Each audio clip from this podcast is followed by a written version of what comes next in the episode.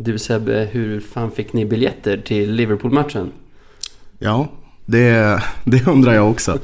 Nej, vi, hade, vi hade väldigt, väldigt tur. Vi, eh, vi var på, det finns en massa pubbar runt eh, stadion där. Så när det var 30 minuter kvar till match frågade vi en snubbe. Han hade två stycken säsongskort. Så var det bara att gå in. Ja, du ser. Du ser. Vad fick ni ge? Vad sa du? Hur, vad fick ni ge? 40 pund. Nej, 40 typ, pund? Ja, typ 500 spänn. Det är ju ingenting. i- Nej, de, för, de första priserna var uppe på 5000. Ja. Så ja, vi fick det väldigt, väldigt bra. Jag har inget. Vi kan bara klippa där och så, så bara bam kör vi.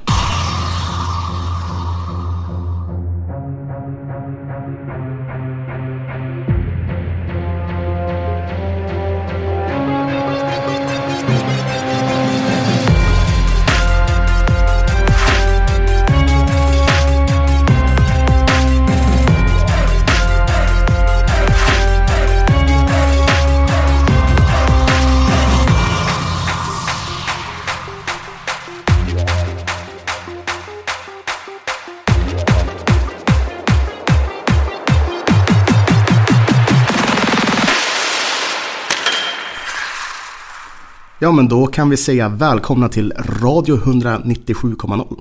En podd av lövare, för lövare och ni har hört Sebbe, ni har hört mig och idag har vi även med oss en gäst och det är ingen mindre än Jonas Grundström. Hallå, hallå. Välkommen. Tack. Hur känns det att vara här? Det är spännande. Ja, Väldigt spännande. härligt. Nej, vi har ju velat ha det här i podden. Eh, Du är ju tidigare styrelsemedlem i Björklöven. Så det kändes ju självklart. Och en väldigt trevlig kille såklart. Så det kändes självklart att ha det här. Ja, det är, jag är otroligt tacksam att få vara med. Det är kul. Kul att få testa på en sån här grej också. Ja men eller hur? Mm. Jag tänker att vi kör som vanligt. Vi berättar vad vi vet om personen och sen får Jonas fylla i luckorna. Ja men lite så. Så vad vet vi om Jonas Sebbe? Som sagt, jag var inne på det innan. Eh, suttit i styrelsen i Björklöven. Eh, hur många år? Eh, Det blev nog sju år tror jag till slut. Sju år, det är Ja. länge. Ja. Första året var 2012-2013. Ja, Så att, eh, och så fram till förra säsongen. okej. Så det är många år. Var det en av de som satt kvar längst på posterna eller? Eh, ja men jag, Micke är väl de två som har varit med längst. Sen kom Mats Bergen in eh, året efter. Ja. Så vi är en av de två. Jag och Micke var en av de två som har haft. Nu är det Micke då. Mm. I sitt åttonde. Och sådär. Att, eh, ja. Ja. Kan alla hemligheter om klubben alltså? Det skulle jag nog, åtminstone den nya klubben ska jag nog tro att de flesta, de flesta finns nog med där. Ja, så är det. Du är från Umeå. Vars är Umeå? Ja, alltså i Stockholm är jag ju från Umeå. Ja. Eh, Jag bor ju här. eh, Men jag är från Vännäsby egentligen. Så Ja, att, ja. Ja, sådär. så att jag, är, jag är Vännäsbyare. Men när, när flyttade du ner hit då? Eh, 99. Så att det var ju ganska, ganska många år i Stockholm. Man blir ju aldrig stockholmare. Man på något vis. Nej.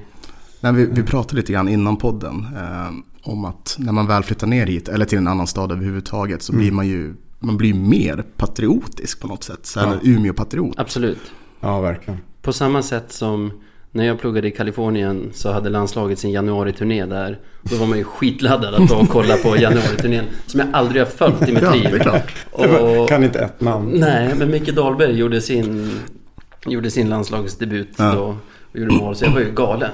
He's from my hometown. Typ Till en amerikan som inte brydde sig ett Ja. dugg. Nej, men det är så man känner Samma liksom. när Ja. flyttade till Stockholm. Jag Ja. brydde mig inte om Dalen eller liksom Iksu eller knappt UFC för att Ja. flytta ner. Men det blir skitviktigt Mm. när man väl har lämnat Umeå. Ja men det känner jag igen. Vi, så blev jag med Löven också. Vi, Mm. eh, vi brände ju runt. Alltså vi vart ju helt, det var ju 20 mils avstånd. Vi missade ju inte en match. Ja. Och mm, liksom student eh, i Stockholm, inga pengar. Vi så här, lånade någon gammal Volvo 240 för att köra till 1,90 away liksom. och när man kom ut hade det snöat och det, ja, det är så här. Ja, det är fantastiskt ändå när man, hur, hur det blir när man faktiskt flyttar Mm. från staden. Nej, men jag- ja, verkligen. Jag är inne på samma sak. Jag åker ju typ på mer bortamatcher nu än vad jag gjorde tidigare. Känns det som. Det, Mm. man tar ju varje chans man får. Mm. Eh, vilket är härligt. Mm. Men förutom Björklöven gillar du, är det Aston Villa? Ja, det är det faktiskt. Ja. Bra, det stämmer. Aston Villa. Och Hammarby också va? Ja, det, där har du mina tre riktiga laster. Tror jag. jag har ju även Buffalo i NHL, så jag är ganska duktig på att plocka ut lag så att man får kriga lite grann. Alltså det är ju inga vinnarlag vi snackar Nej, om men egentligen. det, det, jag jobbade nog så den gången. Man väljer ju lag en gång. Mm.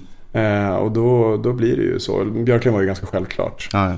Eh, Hammarby är egentligen från 89 då jag var nere på Globen-VM med pappa. Eh, min pappa var en sån här härlig eh, pappa som alltid filmade allting med videokameran. Man var ju helt tokig. när den där videokameran alltid kom fram. Ja, ja. Alltså Tills- även på events, inte dina matcher. Nej, utan nej men liksom alltså jag sa jämt. Ja, men, ja, men det var liksom så här, vi, vi var ju på och såg det. Men Ja. ändå så var det liksom alltid den där framme och det var ju ruggigt störigt när man var tonnis liksom. ja.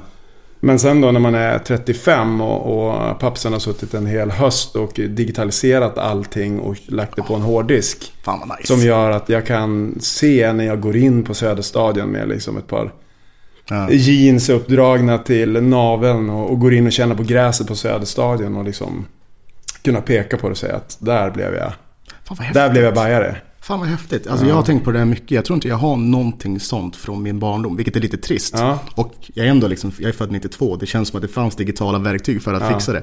Men Du tyvärr. är i din ba- barndom fortfarande. Ja, det kanske jag är. Det kanske jag är. Men, som sagt, eh, jättekul att ha dig här som gäst. Jag tänkte nu att vi skulle införa ett litet nytt moment. Kanske bli ett stående moment. Eh, Och det är en liten kort faktaruta. Den här faktarutan kan ju komma att ändras någon gång i framtiden. Det, det får vi se. Men eh, jag tänker att jag drar igång så får du dra lite, lite info om Ja. dig själv. Spännande. Vi börjar, vi börjar väldigt basic. Eh, ålder? Eh, och det är inte så basic. 44. Du vet man har gått över 40 då slutar man räkna. Alltså, Ja, ah, just det. Ja, 44. Uppvuxen? Ja, det var vi inne på. Yes, Vännäsby. Har du bott på några andra ställen än Vännäsby och Stockholm? Eh, Vännäsby, Umeå. Eh, jag hade en session i Cambridge där jag läste. Sen så är det nog... Sen var det Umeå och sen Stockholm. Vad, vad pluggar du där? Eh, det var bara vanlig ekonomi. Jag läste ju via Handelshögskolan i Umeå. Och då hade Ah, de så här utbytes... Så det var liksom bara ett, ett år där. Fan vad fett. Jag älskar England. Det gör jag verkligen. Ja, det var helt fantastiskt. Jag kom ju dit och, och började gå på Cambridge Uniteds matcher. Där är det ju... Det är ju Vilken liga är det- ja, de lirade ju då typ i fyran tror jag. Ja. Alltså då var det väl League 2 som det heter nu tror jag. Ja, det var fantastiskt. Ja, det kan jag tänka mig. Ehm, och Löven. Hur länge, ja, hur länge har du supportat Löven egentligen? Eh, jag var sju år när eh, jag kom in och såg att det spelades match på tv och det var Björklöven-AIK i final. Eh, och sen så, jag vet inte, jag varit trollbunden ganska snabbt. Och sen så kunde jag nog inte släppa det. Så jag, eh, alltså som, som tioåring så sprang jag runt och knackade på dörrar ute i Vännäsby. Till de som jag visste åkte på torsdagar och söndagar. Mm. Knackade på, eh, frågade om jag fick åka med i baksätet, åkte med, sprang upp på H och försökte ha så mörk röst som möjligt för att kunna liksom hänga med i ramsorna. Och, ja, så, nej, men jag har nog hållit på ända sedan dess Ja. faktiskt. Nu kommer det dock en, en liten, inte en curveball här, men den här kan vara svår. Den här kan vara väldigt svår. Om du fick välja en artist från Umeå. Och det, jag har två alternativ här, men du kan ju såklart komma med en bubblare från någon annan. Okej. Då har jag antingen Lisa Miskovsky Bra. Eller Refused. Oj, bra. Oh. Fast ingen Key Marcello. Nej, precis. Ja, men då hade det blivit enklare för mig. För där är ändå två stycken som Lisa gick i samma klass som. Mm. Är det sant? Ja. Men Hon är från Spöland tror jag. Ja, precis. Eller hon bodde i ja, Vemfors. Eller Vemfors, Men det är ju så här, hon så jag gick i samma klass med henne ett Ja. år eller något sånt. Eh, men Refused har jag ju mycket känslor för också med Dennis som ju också är från samma kommun som mig. Ja. Ja den är svår Eh, ja, den är jätte, jättesvår. Men jag... jag eh, ja, men jag, jag får väl eh, välja utifrån vad? Får man st- ställa frågan så? Nej, du ska bara säga en. Jag ska bara Ja, säga, ja, men, då säger, men då säger jag ändå eh, Lisa. Nu i efterhand tänkte jag säga, du kan ju passa. Nej, Ja. Nej men Ja, har, bra val. har vi nå- något annat band som du tycker om från stan? Jag, jag tycker ändå vi är en ganska musikalisk stad.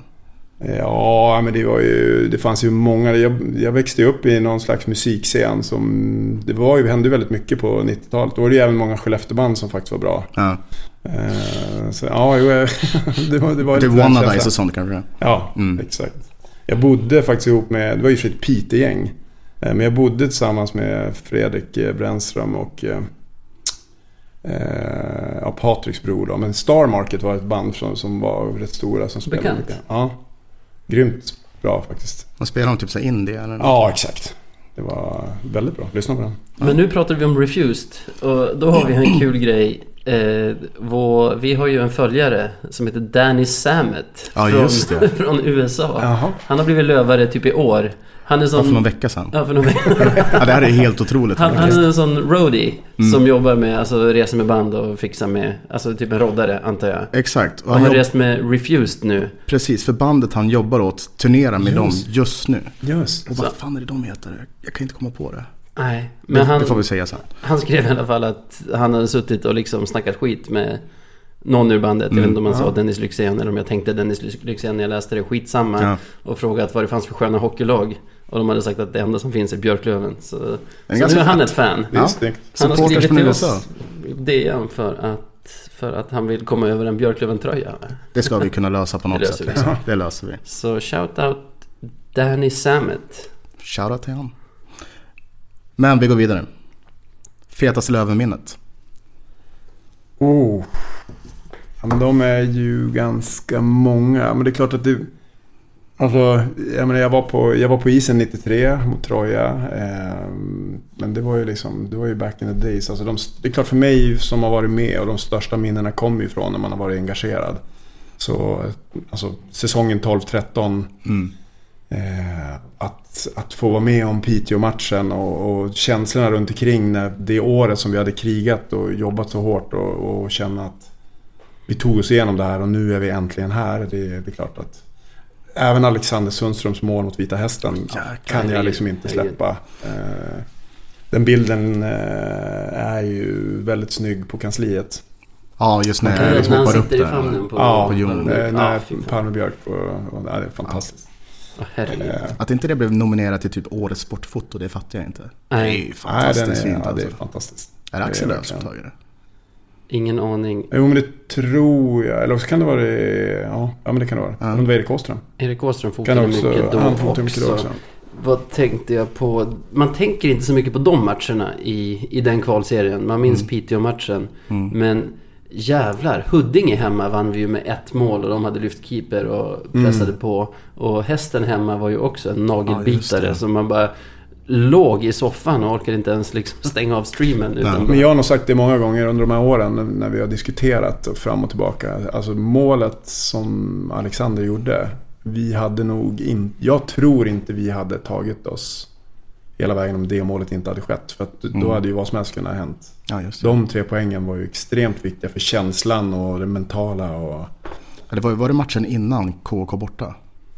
Oh, nu minns jag inte exakt vilken ordning de var. Men den var ju en bit in. Ja. Onekligen. Jag tror fan att det var det alltså. Ja. KK borta var ju näst sista. Precis. Ja, hästen hemma kan ha varit den före. Exakt, för, absolut. för vi kunde ju avgöra det nere i Karlskrona men det gick ju inte Det vägen. gör vi aldrig. Jag har aldrig varit med om att Löven har avgjort borta. Aldrig. Mm. Äh, det var tur det ändå, då får man ju fira på hemmaplan, eller hur? Exakt. Jag ska ju faktiskt säga det. Nu ska man inte prata om sig själv men Det ska man. jag missar ju typ hela kvalserien. Det är sant. Ja.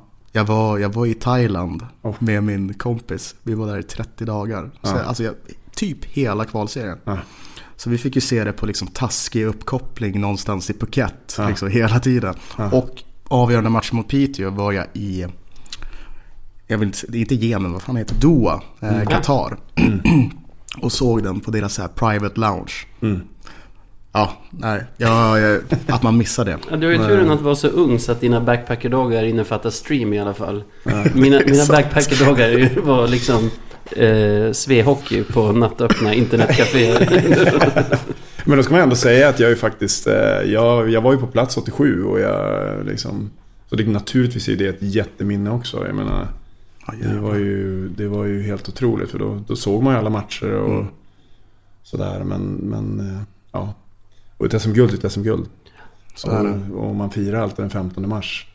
Men, men en sån där... Att få, få involverad på det sätt som man var 12-13 det påverkar. Mm. Min grej i guldsäsongen är att jag tror att jag såg alla hemmamatcher den säsongen Utom den avgörande mot Färjestad.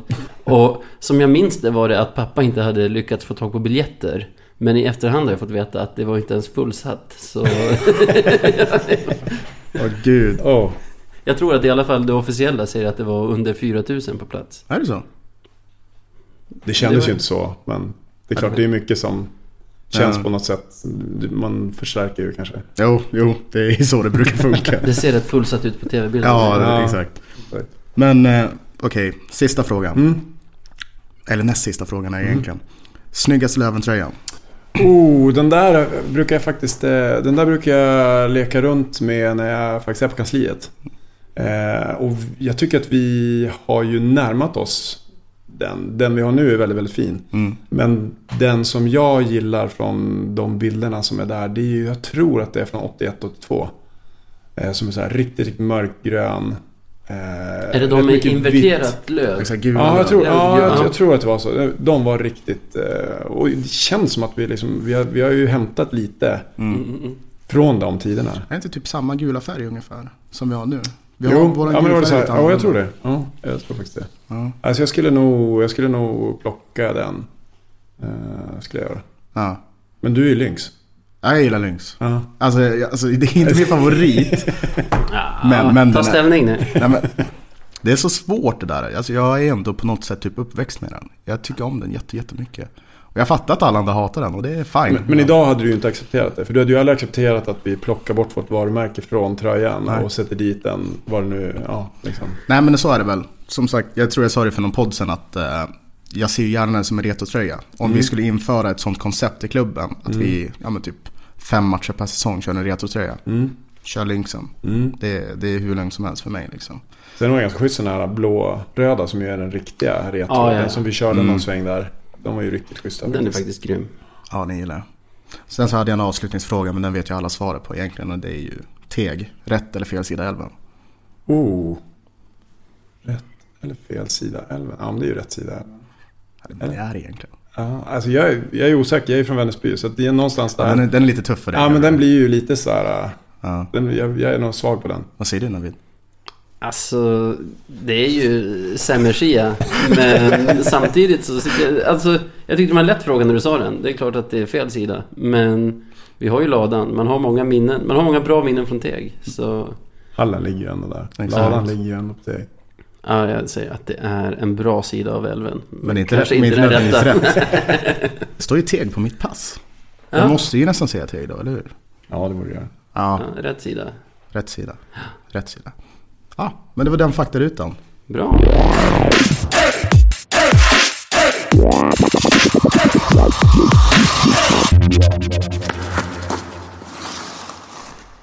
Ja, veckan som gick då. Vi satt ju här för en vecka sedan och förutspådde en ganska svår vecka med både Bofors borta och Timrå borta. Precis. Men vi verkar vara lite för bra för den här serien. Börja med en onsdagsmatch borta mot Bofors. Bofors. Ja.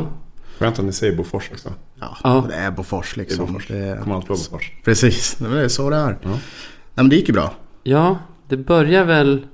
Alltså, jag vet inte. Det, det känns som att vi... Alltså, som att man är som en skiva som har hakat upp sig när man säger att ja, vi är det bättre laget. För vi, vi fan, det är hela tiden nu. Ja. Men vi får 1-0 med lite av en slumpstuds. Det är ju Söder som står bredvid mål och styr Han in står typ skott. en meter bredvid målet och Ja. råkar styra in en puck. Ja. Eh, Men det är ju lika skönt ändå. Ja. Eh, Jag älskar ju när hårdjobbande spelare får göra mål. Ja. Vi satt ju nu före vi spelade in i soffan och pratade om att under silly season har man suttit och sagt att Kentes viktigaste uppdrag är att bli av med spelare som Wiklund och Söder Mm. Efter att man hade sett förra säsongen. Men jag tycker det är två av våra bästa spelare på sina sätt nu. Absolut. Mm. Ja men gud ja, jag vill hålla, jag håller Söder extremt högt i årets trupp. Mm. Eh, Jag tycker att han, han gör alltid jobbet. Han kommer in med en, en sorts fart som jag inte har sett tidigare och ja, jag, blir, jag blir konstant imponerad av honom. Mm, ja, Det, verkligen. blir, det är kul man får näta lite grann också. Har ni också den känslan efter första perioden, nästan varje match nu, att vi har haft ett sånt spelövertag så man är nervös för att vi inte har förvaltat det till mer än ett ettmålsläge eller så? Det känns som att det är nog den största eh, osäkerhetsfaktorn. Det är egentligen en egen inställning tror jag. Det är Mm. nog den största fienden tror jag också nu. Mm. i alla lägen. Att, att verkligen så här, palla med att köra och, och jobba på. Men också att eh, få den här känslan av att man stänger matcherna. Mm. Eh, Och det var ju lite den känslan tycker jag mot Bofors. Om vi fortsätter prata Bofors. Det där att efter två perioder var det som att man kände igen lite för mycket från tidigare. Den här känslan av att allting Mm. talar för att vi kommer vi försöker förlora matchen i princip. Ja men lite så. Eh, och då få se Wiklunds eh, intervju. Ja. Ilskan, frustrationen och, och sen någonstans gå in Och i bara städa av. omklädningsrummet. Och sen kommer man ut och så städar man av. Ja. Ja, för det är det vi gör. Vi städar av. Jag tycker den andra är den sämsta period vi har gjort på väldigt länge. Ja. Och vi verkar ha en förmåga att tappa humöret när det inte går med oss Mm. riktigt. Bofors behöver inte ens hålla på som de gjorde på Westnertiden och grisa och det för att vi skulle tappa det. Ja, de- he- Helt vanlig allsvensk domarnivå räcker för att vi ska tappa humöret. Ja men precis, Nej, men det var ju, jag vet inte hur mycket man ska klaga på domare men jag tyckte ju att det var ju bedrövligt där i, i andra perioden som så många andra tycker också. Uh, Offsiden är ju horribelt dömd till att börja med. Och... Ja. Jag och, och efterspelet på det, alltså, så här, för, för det man har hört, nu, vi kan ju aldrig vara säkra på att det här stämmer, men eh, det ska ju vara att, att Weigel fick ju för att han ska ha påpekat just den här eh, offsiden efteråt. Just det. Han sa väl till domaren typ så här. Bra offside. Ja, bra offside. Ja, det kommer ju från Fagervall som sa det i simor intervjun så det får man ju lita på. Och Wiklund sa ju också att, eh, de blev väldigt, att domarna blev väldigt provocerade av att Mm. Man ifrågasatte. Ja. Men så jag tycker, och sen så vet jag inte riktigt vart man ska dra gränsen men just det, det tycker jag inte är, är tillräckligt för, för något sorts straff precis. Nej, nej. Ja, nej men det var, det var en märklig andra period Mm. och det var nog... Men Wiklund är stekhet nu. Det är han som Ja. sätter 2-0 i boxplay. Men sen släpper vi helt otroligt mycket chanser och helt plötsligt är det bara 2-2. Ja, det blir nervöst där. Ja, det gick ju ganska snabbt. Ja. Det var ju som att det bara... Men Det vi, ja, vi spelar ju liksom, vi spelar halva perioden i, i boxplay. Mm. Jag tror, jag, jag vet inte om det är exakt om det var åtta minuter eller om det var 12 men det, alltså, det var ju, alltså det, det går inte att, att, att ha det så. Då kommer man släppa in mål. Mot oavsett hur seriens bra bästa man är. PP dessutom va? Är de det? Ja, jag tror de måste De var det inför va? den matchen i alla fall. Nej, men liksom så här, oavsett hur bra vi är i boxplay så då chansen är överhängande stor att det kommer ringa liksom. Mm. Så, ja, det blev ju lite vad det blev. Men som sagt, sen så går vi ut i tredje där och ja, men vi, vi stänger på riktigt ner dem. Då, Som du sa Jonas. Det är Andreasson som öppnar med 3-2 via Wiklund, eller? Ja, ja, Jag tycker faktiskt Ja, det. när det- vi ger det säger han själv också. Så. Ja. Jag, Men har han fått den då? jag Nej. tror inte att han har fått den officiellt. Och jag hade inte tänkt på det förrän man hörde intervjun med Andreasson. Ja. Där han säger, men Wiklund säger att han var på den och då spelar de det ju igen. Mm. Den kameran bakom mål Ja, i slow motion och då ser man ju att den byter ju helt riktning. Och då så. Hattrick, Ja, visst. Ja men det är kul, verkligen superkul. Men vi pratar alltså en, en, ett frustrerat lag som spelar, eh, tappar en ledning, det står 2-2, eh, allting går Borta lite grann emot. Känslan är så här, oh Mm. det här, här har vi varit förut. Och så, så liksom går man in i omklädningsrummet och så kommer man ut och så vinner man skotten i sista perioden med 10-0. Mm. Alltså, det är på riktigt. Är- jag, jag kan ju inte minnas en enda gång då vi har vunnit skott, alltså så att man har nollat någon på, Nej. på hemmaplan sådär. och alltså Wiklund fyller på till 4-2 också. Mm. Jag kallade honom för Nikita Kucherov förra avsnittet. Nu får man fan säga Wayne Gretzky. Helt otroligt. Det är ja. ett boxplaymål, ett powerplaymål och sen ett 5 mot 5 mål. Ja. Ja men det är en bra genomförd match och Wiklund var väl kanske man of the match till en stor del tycker Det jag. tycker jag. Ja, Och jag gillar, som Jonas var inne på också, hur vi stänger matchen. Mm. Vi är för bra för dem och de ligger tvåa i serien. Ja. ja, det är märkligt. Det är spännande tider nu. Är det. Men just där tycker jag man ser den mentala skillnaden. Mm. Eh, För där hade det kunnat gått åt vilket håll som helst. Alltså är man, är man ett frustrerat lag som är kanske börjar bli van att vinna men som har saker emot sig. Mm. Så kan det ändå bli att man så här, tappar koncentrationen och, och, och tappar en sån match. Mm. Ja, Men att gå in, vara arg, stänga ner, Mm. äta upp både domare och motståndare och vinna skottet med 10-0. Alltså, Mm. Ja men, men precis. förra säsongen hade vi tappat den. ja. Nej, men så, ja, precis. Och sen så kan jag också känna att vi hade väl några sådana tendenser i början av säsongen också. Om vi tänker typ Kristianstad-matchen som vi torskar. Mm. Vad är det, Vita Hästen också som vi torskar hemma. Eller om det var Västervik var det. Mm. Då, då, då tycker jag också, för det, det är inte för att vi varit ett sämre lag överhuvudtaget. Utan det är ju det mentala som det verkar sitta i. Man liksom, saker och ting går inte med en och då blir det för tufft. Men nu, fan, kan vi göra så här? Mm. Då, det bådar ju väldigt gott. För det mentala har ju varit ett problem hos oss. Verkligen. Så ja, nej men det, det känns bättre. På bättringsvägen är det. Mm. Sen har jag noterat att det är vår penalty killing som vinner den här matchen åt oss. De spelar 1-1 i en match där du, som du var inne på. Vi har sjukt mycket utvisningar. De gör ett mål i 4 mot 5. Släpper in ett i 3 mot 5. Men jag kände nästan att det var närmare att vi skulle gjort ett till boxplay-mål än att de skulle ha gjort ett till powerplay-mål. Ja, så kanske det var. Och då har de som vi sa ett riktigt starkt powerplay. Ja. Extra skönt att spöa. Att vinna i Karlskoga. ja, man har inte gjort det så ofta känns det som. Man Det där är nog så himla bra Det är efteråt. många som säger att det där är en av de tuffaste hallarna att åka till. Mm. Verkligen. Det är, Ja, jag, jag har ju tyvärr inte varit där än. Men den, på det man har sett och hört liksom, så här, den, ska, den ska ju vara lite, typ, lite skrämmande nästan. Så. Jag har varit där. Jag tycker den är king. Det, är, det känns mörkt i hallen fast den är förmodligen är samma som överallt annars. Är den bättre än Gränby? Den är, den är häftigare än Gränby. De har halva hallen ståplats. En Ja, kort sida och en hel lång sida är ståplats. Leifby var ju på matchen och skrev om det i Aftonbladet. Just det. Eh, ja, och det. höjde den till skyarna. Och det förstår man. Det, alltså, det är ju, en, det är ju liksom... Det är hockeykultur. Mm. Verkligen. Och det är Hockeyallsvenskan. Mm. Det där är ju varför Hockeyallsvenskan är så grym. Mm. Men vi spelar ju mer också. Ja, fredag, Timrå borta. De börjar bättre än oss tycker jag. Alltså första minuterna trummar de på och stör oss ganska högt. Ganska likt hur Västerås spelade i den matchen som vi förlorade mot dem. Mm. Skillnaden mellan den här matchen och Västerås-matchen tycker jag är att det är vi som får utdelning. Mm. Vi får det tidigt. Det kommer i PP men det är inte ett klassiskt powerplay-mål. Det är en Timrå-spelare som har pucken ostörd, ohotad bakom egen förlängd mållinje. Lägger den i bröstet på Andreasson som kommer i slottet. Ja, märklig situation det där. Ja, Riktigt märklig situation. ja, verkligen. Och han har ju blivit en sniper nu så han gör inga misstag. Ja. Det är 1-0 Löven. Och det har gått så långt för mig så när vi gör 1-0 då, då lutar jag mig bak i soffan. Mm. Nej men det är väl just det, för det var väl... Man kände, det- kanske det var en sån match så om Timrå hade gjort 1-0 så hade det varit en helt annan historia. Och Hade det ett helt annat utfall liksom. Västeråsmatchen i repris. Man vet Ja. inte. Men hur många matcher har vi legat under egentligen? Det är inte många. Det skulle vara ganska intressant att veta. Ja, ja men det... Ja, någon lyssnare får ta och Ja, kolla in på det. Nej men jag, tr- jag tror inte att det är så många. för det första målet är ju, minns man ju, förra året var det ju, alltså flera år skulle jag vilja säga, att Mm. första året har varit otroligt viktigt. Mm. Men jag tycker också som vi spelar nu. Det blir så jävla bekvämt när vi leder.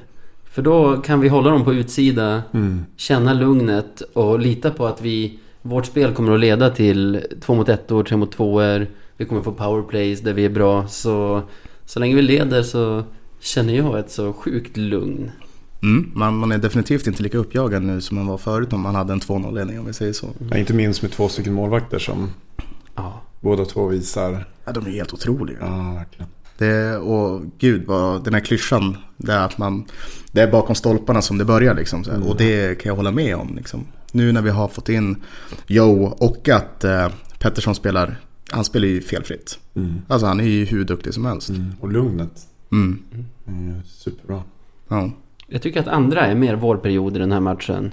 Det går lite fram och tillbaka. Timrå kanske har lika mycket puck som oss, men det är vi som skapar lägen. Mm. Och eh, Sniper Hardy sätter 2-0.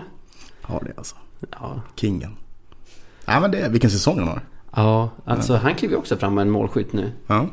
Undrar hur många mål han har gjort? Han måste vara ändå uppe på över fem mål. Måste han ha gjort. Jag minns Jag tror jag minns tre på minst tre. Ja. Ja det är kul. Kul att se utvecklingen på honom. Mm. Men han typ 90, vad kan det vara, 96 95 Någonstans där. Ja, jag är lite osäker. Men han har ju alltid varit väldigt duktig. Ja. Och det... Du gillar honom Jonas? Ja, men det gör jag. Eh, absolut. Mm, Det är, det, är lite, det är lite kul att han fick chansen på det sätt som han... Jag menar, han, han var i Skellefteå. Eh, kanske inte riktigt fick chansen där. De kanske inte tog hand om honom, Mm. tror jag. Det är min känsla. Eh, men sen så, så lyssnade vi på, på rätt sorts personer och, och gav honom chansen. Mm. Och det är ju jättehäftigt, Ja. tycker jag. Ja men verkligen. Det är, det är kul att se, se någon gå liksom från att vara kanske lite nere till att faktiskt bli en stor spelare, en bärande spelare. Mm. Det är jättekul. Deras mål sen till 2-1 känns ju ganska snopet med tanke på att det är vi som har skapat chanserna. Jag tyckte det kändes som att de har fortfarande haft noll målchanser men har ett mål. Mm. Det är ett ganska bra avslut av, av Dahlén där. Eh, vi fick ju bonusinfo om målet av Dahlén i simor intervjun i pausen. Canada ska ha sagt till sina ba- backar att de inte behöver täcka när Dahlén skjuter som en, som en strykning. Jag tycker det är underbart. Jag måste blivit så frustrerad Dahlén. Ja, det såg man. Han skrek ju hela vägen. Ja. Ja. Både bakom mål och sen. Man undrar bara vad var det där? Vad... Men det var ju kul att han i och för sig berättade vad, vad det var för Ja. någonting. Man, man vill egentligen ha mer sånt. Ja. Liksom få reda på lite saker. Man märker ju också att det har tagit när han liksom känner att han ska ta upp det i intervjun. De frågar ju inte ens. Ja, ja. Utan de bara bra mål och han bara ja. Och det var skönt sen, då skrek jag till Canada för vet du vad han hade sagt till mig? Så lite unge nästan. ja men ja, det är så gött. Det visar ju att det tar. Ja.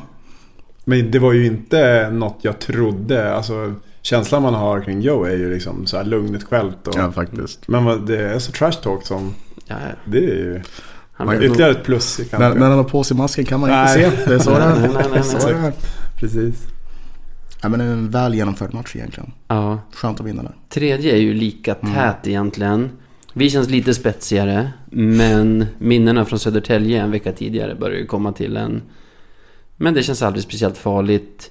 Timrå har en del puck. Andreasson är närmast mål med ett stolpskott. Sen tyckte jag om att Timrås Fredrik Andersson, tränaren, Mm. lyfte keeper redan med 3.12 kvar av matchen. Nej. Vågat. Ja, det händer ju allt oftare tycker jag. Ja. ja, men så är det. Han ger dem chansen. Var inte bara härom, häromdagen som... Inte häromdagen, häromveckan som det hände också. Och det tänker inte på den här matchen då. Nej, jag såg det också. Ja, Vilken match var det? Åh, jag vill säga att det var hemmaplan i alla fall. Ah, skitsamma. Mm. Nej, men det börjar bli allt mer vanligare och det är väl helt rätt egentligen enligt mig. Alltså, vill man vinna eller åtminstone ta poäng, då måste man ju chansa. Mm. Det är, vad hjälper det till att fega tills det är 30 sekunder kvar liksom? Nej.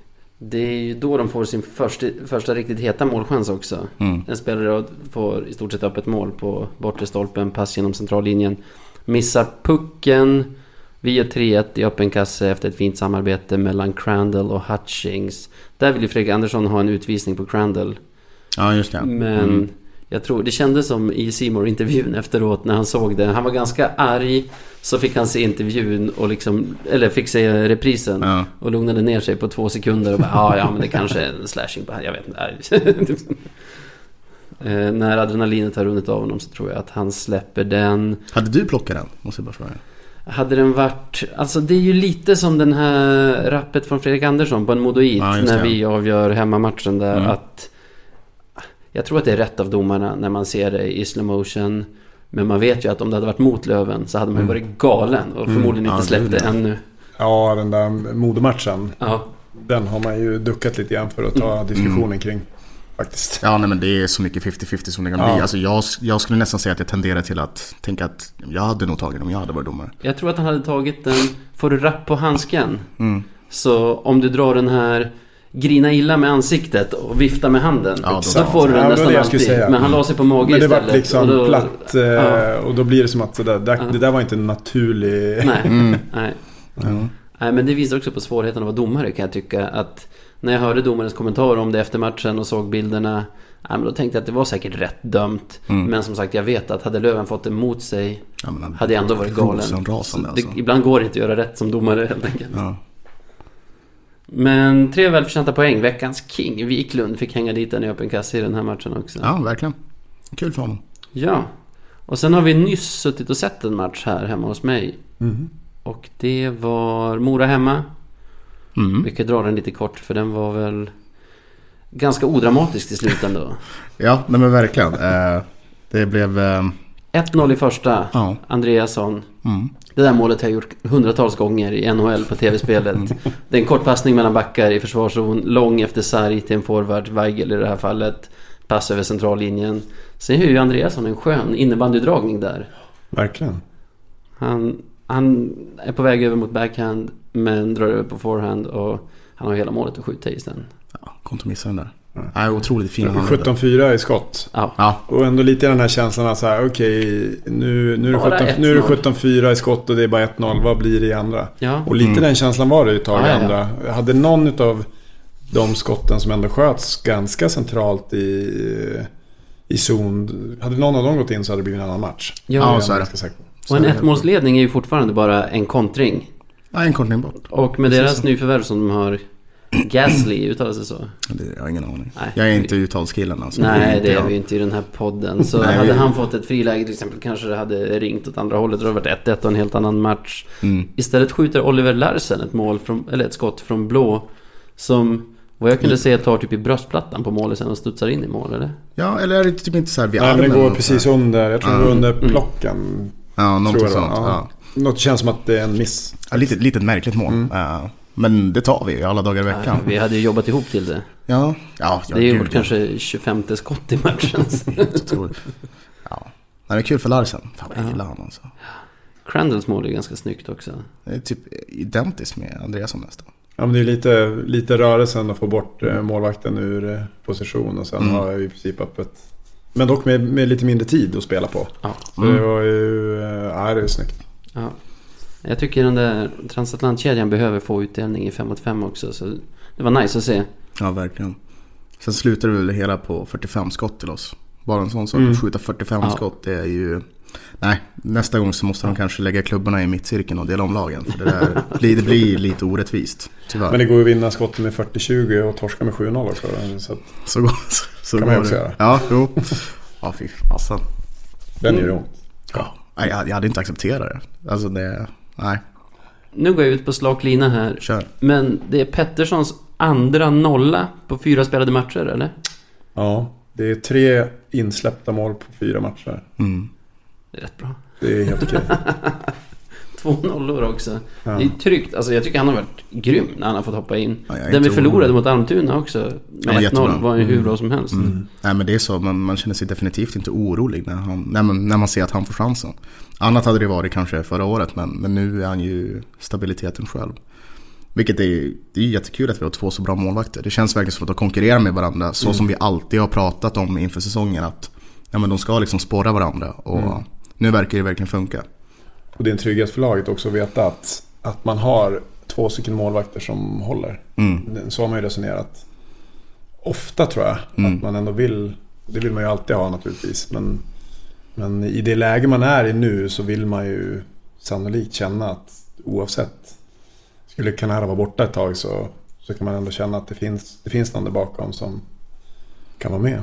Ja precis. Och det är ju så otroligt viktigt när säsongen är så lång som den är. Mm. Nej, så det känns bra. Det här. Läskigt bra ska jag säga. Ja, man är Ja. inte van. Ja. man är Man inte bara vänta van. på att någon skit ska träffa fläkten.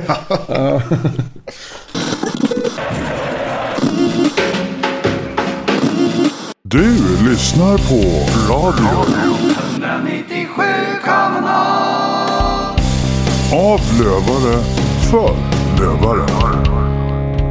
Alright, då går vi vidare. Jonas, vi är ju framförallt nyfikna på din tid som en del av det innersta i klubben. Du har suttit i styrelsen, vad fick vi det till? Sju år tror jag. Sju år. Ja. Hur blev det att du hamnade där? Eh, Ja, det är ju en ganska lång historia. Vi var väl inne på det egentligen i början. Eh, Passionen som jag kallar det för eh, har väl funnits där jämt. Störningen kanske många runt omkring mig skulle säga. Ens närstående skulle nog Ja, det är, nog många, det är många som skulle säga det. Men det är, ja, men jag var ju, jag var ju eh, ganska aktiv. Jag, är ju uppväxt eh, som supporter. Jag har ju liksom alltid varit väldigt intresserad och, och var en ganska aktiv forumknarkare. Mm. Ja, Eh, som så många andra Som så många andra naturligtvis. Så jag har ju alltid haft åsikter om hockeyn och spelet och väldigt dålig förlorare. Kan jag väl erkänna att jag är. Mm. Och alltid varit som bäst i, motvind och mest frustrerad. Och, och ju, mer, ju, ju äldre jag blev desto mer åsikter hade jag ju naturligtvis. Men också om hur klubben sköttes. Mm. Så jag var ju en sån där som liksom, när jag väl började jobba och jag är ju ekonom i grunden och, och började frågasätta väldigt mycket kring hur, hur är det möjligt att vi hamnar i de här situationerna gång på gång. Eh, Och började skicka mejl och grejer till Bedros och, och fick en, faktiskt en dialog där med honom om både det ena och det andra. Eh, Ja. Men allt det där kulminerade ju väl 2010 när vi Ja. ju då när allting skedde och det var 24 timmar kvar innan konkurs och då är väl egentligen handgripningen bröt mig in i en räddningsaktion. Eh, och, och, Var du del av Johan Björksson? ja, det var jag i allra högsta grad. Det var nog Ja. jag som väckte Johan Björk ska jag säga. Åh fan. För så här var det. Eh, det var 24 timmar kvar. Jag tog tag i det här, började ringa runt, fick några telefonsamtal. Så jag ringde ordförande Mattias och sa att du, nu hjälper jag dig här. Nu, nu löser vi det här. Ehm, fick reda på ungefär hur mycket pengar som saknades och, och började ringa runt och, och kriga för att hitta någon. Eh, två timmar Två timmar innan eh, styrelsemöte som de skulle ha för att försätta sig själv i konkurs så, så satt jag i samtal med rekonstruktör och ordförande eh, och diskuterade om att så, ja, men nu är det det här som gäller, det är det här vi behöver. Eh, bara- Förlåt att jag bryter in. Var det här före den presskonferensen som hölls? Eller före liksom tingsrättsförhandlingen om... Ja, ja, det här var innan själva styrelsemötet då man faktiskt skulle. Jaha. Alltså Eh, innan det var känt för allmänheten? Ja, Jaha. precis. Eller det var ju 24 timmar, de hade gått ut att det var 24 timmar kvar. Ja, just det. Just Eh, det. Och sen så hade, vi fått, hade jag fått reda på att, att styrelsemötet skulle vara klockan tre. Klockan ett satt vi i det här mötet. Mm. Jag ringer, jag minns jag var hos en kund eh, som dessutom satt på liksom, finaste adresser på Stureplan. Så det var liksom en absurd känsla. Jag satt och ringde runt alla som jag liksom, eh, kunde. Jag fick Mm. kontakt med Leif Danielsson och, berättade varför jag ringde och, och liksom, vad kan vi göra? Finns det något som...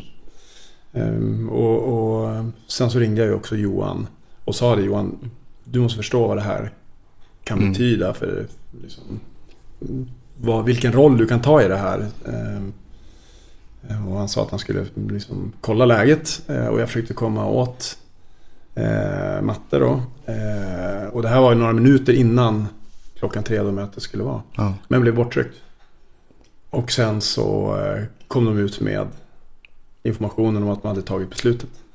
Eh, och det fick ju mig att gå bananas. Så jag krigade ju på väldigt, väldigt, väldigt mycket. Mm. Och, och det där är en lång historia. Det finns hur mycket som helst eh, som liksom hände under de där dygnen. Eh, men det gjorde ju på något vis att man, man blev involverad och jag jobbade på och slet med... Jag menar Johan satte ju då igång allting Ja. efteråt. Och det var ju ett gäng som Mm. gjorde ett fantastiskt jobb. Eh, som, som ju slet och, och krigade för att säkerställa de här grejerna. Så jag var ju med på ett hörn där. Både sätta kalkylmodeller och budgetar och försöka förstå hur mycket pengar vi behövde. Och börja sätta nya strategiska planer och, och så. Eh, tills ju, ja, vi hade det mesta på plats ansåg vi. Men, men vi vet ju alla storyn. Mm. Eh, och det finns ju mycket information som man ju inte ska älta. Det är fortfarande egentligen inte preskriberat, ska jag säga. Eh, om hur det där faktiskt gick till. Mm. Eh, någon gång ska man väl prata ut på riktigt om den, känner jag. Men, men eh, med allt det så, så innebar det ju att vi... Ja, vi gjorde vad vi kunde men vi blev ändå degraderade. Mm. Men räddade klubben. Vi fick... Ja, vi ja, fick, men eller hur? Vi, Och det var ju det som var grejen. Någonstans så var vi, jag menar, rädda Björklöven, hela det gänget och, och den involvering jag hade i bakgrunden räddade klubben, skulle jag nog faktiskt säga. Och det var ju fantastiskt att få vara med om. Eh, För visst är det så, förlåt att jag bryter in. Vi blev tvångsdegraderade en division till ettan av licensnämnden. Hade vi gått i konkurs och varit tvungna att starta om som någonting annat, då hade det varit i division 3 eller yes, 4. eller- Precis, och det vi, det vi ju gjorde, eller det den här gruppen gjorde, det var ju att överklaga det beslutet som styrelsen. Så att vi, så säga, vi såg ju till att det faktiskt aldrig gick i konkurs. Mm. Precis. Eh, och det gjorde ju, men sen så var det ju liksom andra faktorer som, som ju då ledde till att man ansåg sig behöva degradera oss. Precis, det är ju bland annat det berömda brevet som vi har hört talas om. Yes. Precis så. Det är ju exakt de grejerna. Så att, ja, man, man kan älta det hur mycket som helst. Eh, Dessutom, förlåt igen. Men, ja, En grej som jag aldrig kommer komma över är att jag minns att man läste en nyhet på Sundsvall Hockeys hemsida långt innan licensnämnden hade tagit sitt beslut om Löven. Där deras ordförande sa någonting i stil med att ja, jo, vi har blivit lovade en plats i nästa års hockeyallsvenska av förbundet. Och det minns jag att jag fan, fan kokade över. Ja, men det det fanns vissa formuleringar i de där breven som var ganska lika från saker som skrevs där kring. Så att ja, Mm. Men det, det är som det. Men, men det är klart, den involveringen gjorde ju att, att eh, det hände rätt mycket och jag, jag fanns ju med där. Och sen så, precis i de där vännerna så, så fick vi vårt första barn och, och det var massa annat som... Så jag var, involveringen var klart mindre. Och sen av en slump eh, 2012 så träffade jag Fredrik Åkerblom på Mm. första träningen. Där då. Ja, och, och, och, och då började vi prata och diskutera om den involvering jag hade haft. Och det ena ledde till det andra. Och han satt ju i styrelsen då. Mm. Eh, så att, och då blev det så att han funderade på om det skulle vara intressant och sen så tog vi det därifrån. Så det var en ganska lång historia. Men det är ganska intressant för det blir ju på något vis, ja jag vet inte. Eh, det var Verkligen spännande. intressant. För det där är ju... Det där är ju dramatiska dagar också som de flesta Löven-fans som var, vad ska man säga, vuxna på den tiden minns nästan minutiöst. Ja, Den presskonferensen som Mattias Lundberg Ja, höll och det som följde därefter med Johan Björk var väl lite frontfigur för er grupp för han var mycket i absolut. medierna. Ja, men gjorde, han gjorde ett jättejobb. Ja, Eh, det känns som att jag följde det dygnet runt på vk.se de, där, Mm. de där dagarna och slets mellan hopp och förtvivlan till att tänka att allt var grönt och vi har ny elitlicens och kommer spela i Mm. Allsvenskan nästa Mm, år. precis. Och sen käftsmällen från licensnämnden. Mm. Och allting blev becksvart helt plötsligt. Liksom. Ja.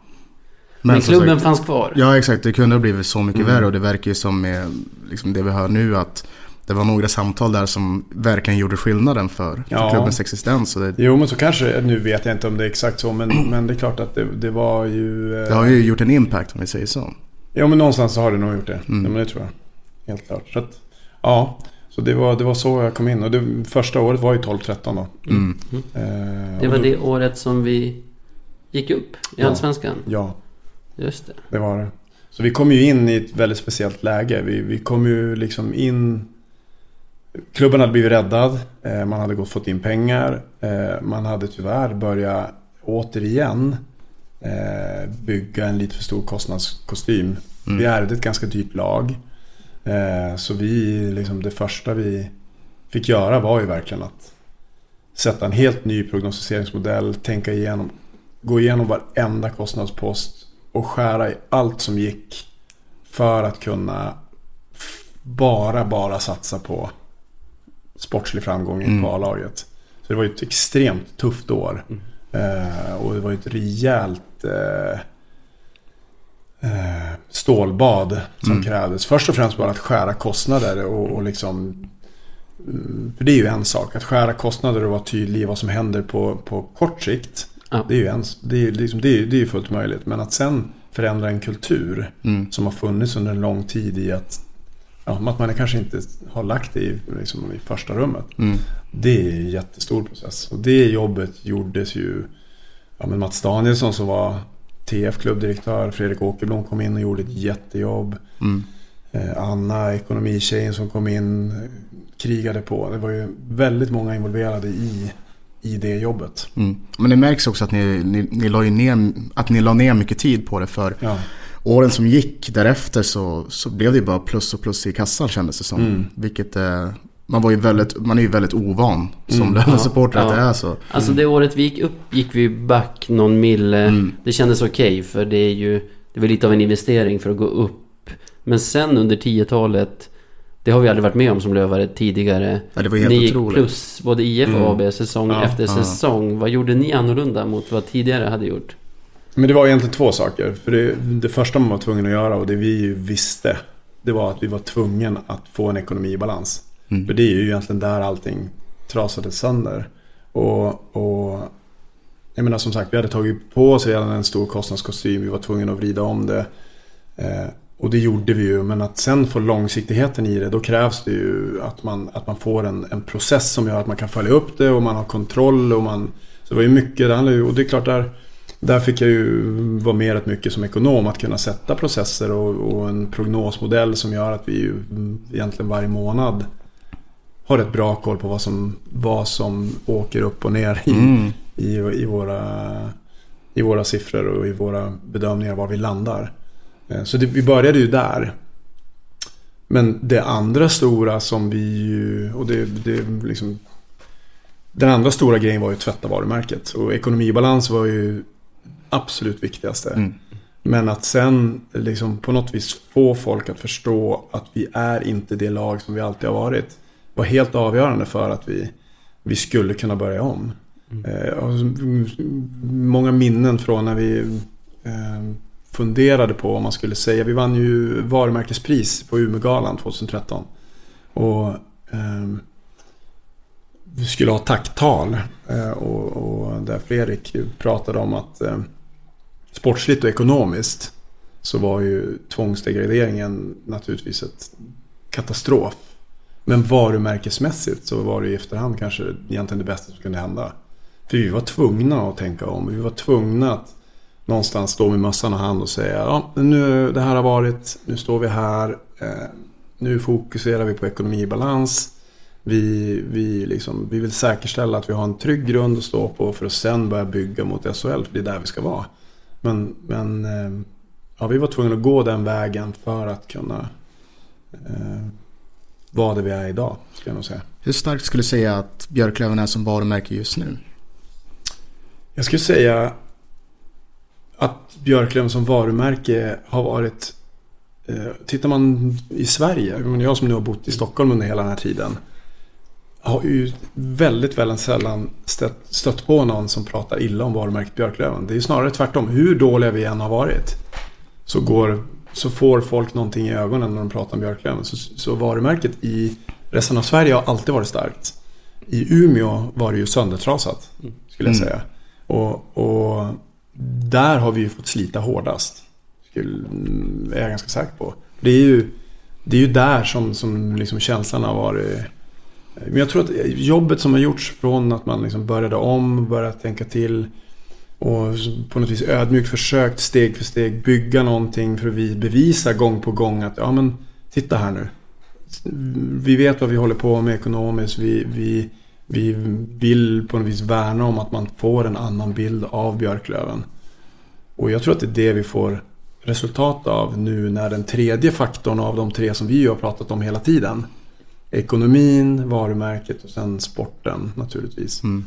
När väl saker ställer sig rätt så får vi en enorm hävstång. Vi Mm. skulle inte ha de här... Nu är ju många intresserade och sugna av sportslig framgång naturligtvis. Men, men det var någon som skrev det på Twitter att det sitter inte bara i det. Det sitter faktiskt i att, att de klubbdirektörer som har jobbat där nu under en lång tid faktiskt har gjort rätt saker. Eh, och det gör att folk vill stötta det här. Mm. Så varumärket är starkt. Jag har märkt det bland supportrar också, tror jag. Eller så är det bara för att jag själv känner så. Att vi är en helt annan klubb som kommer upp från ettan nu. Än den klubben som var egentligen från SM-guldet till vi höll på att gå i konkurs. Och Mm. jag drar ibland en rak linje från SM-guldet till att vi nästan gick i konkurs. I, hur vi, ja, I hur vi liksom inte var ett ödmjukt Mm. andra divisionsgäng någonsin Exakt. under de där åren. Utan tyckte att vi var svenska mästarna som var lite för fina för att spela i Vallentuna ishall. Och Mm. det- Mm. Ja, men det, det, fick vi ju det fick vi dras med hela vägen ner.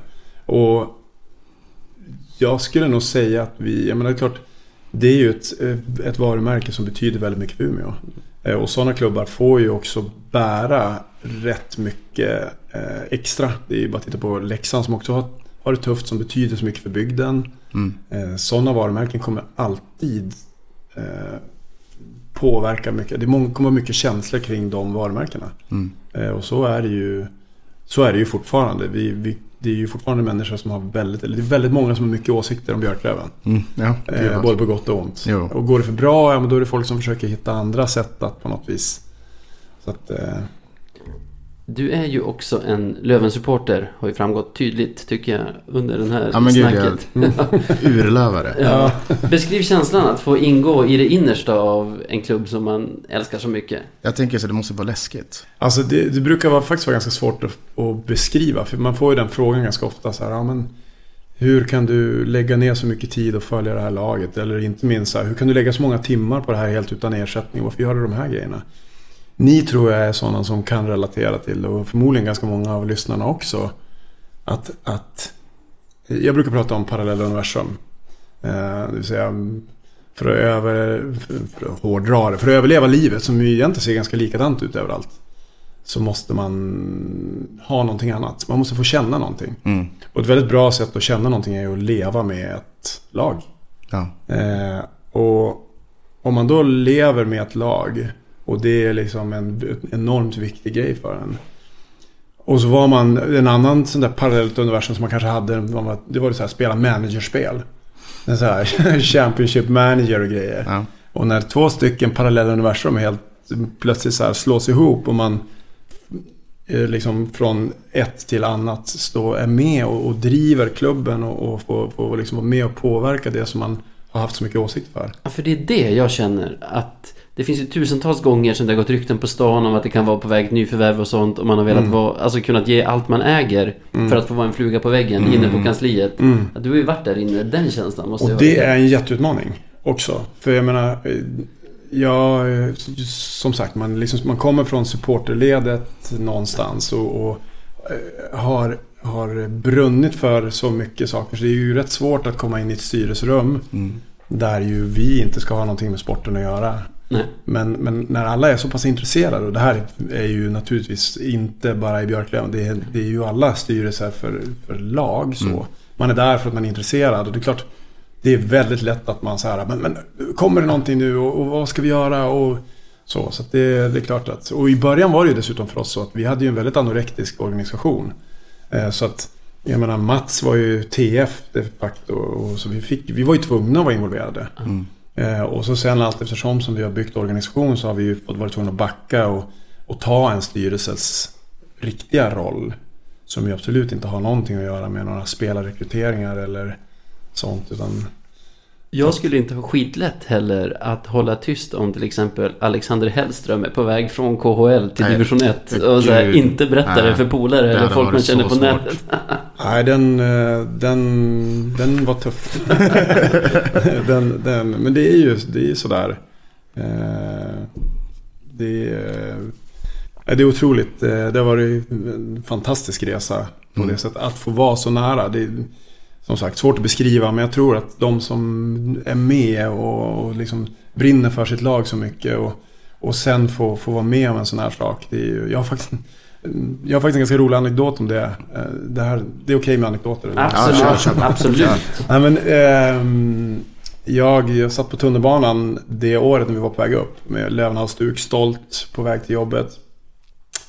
Och så sitter det två tvillingar, eh, ett tvillingpar, framför mig. Och så bara, de bara, men du, det här är ju två killar som ju alltid är på Lövenmatcherna. Ja, jag tror jag vet vilka Tyvärr inte, Ja. väldigt trevliga killar som jag pratar med varje gång. Som jag tyvärr inte vet namnen på. Det ska jag jag, ta reda på. Jag ska ta reda på det nästa gång vi ses. Mm. Men killar som man alltid träffar som är där.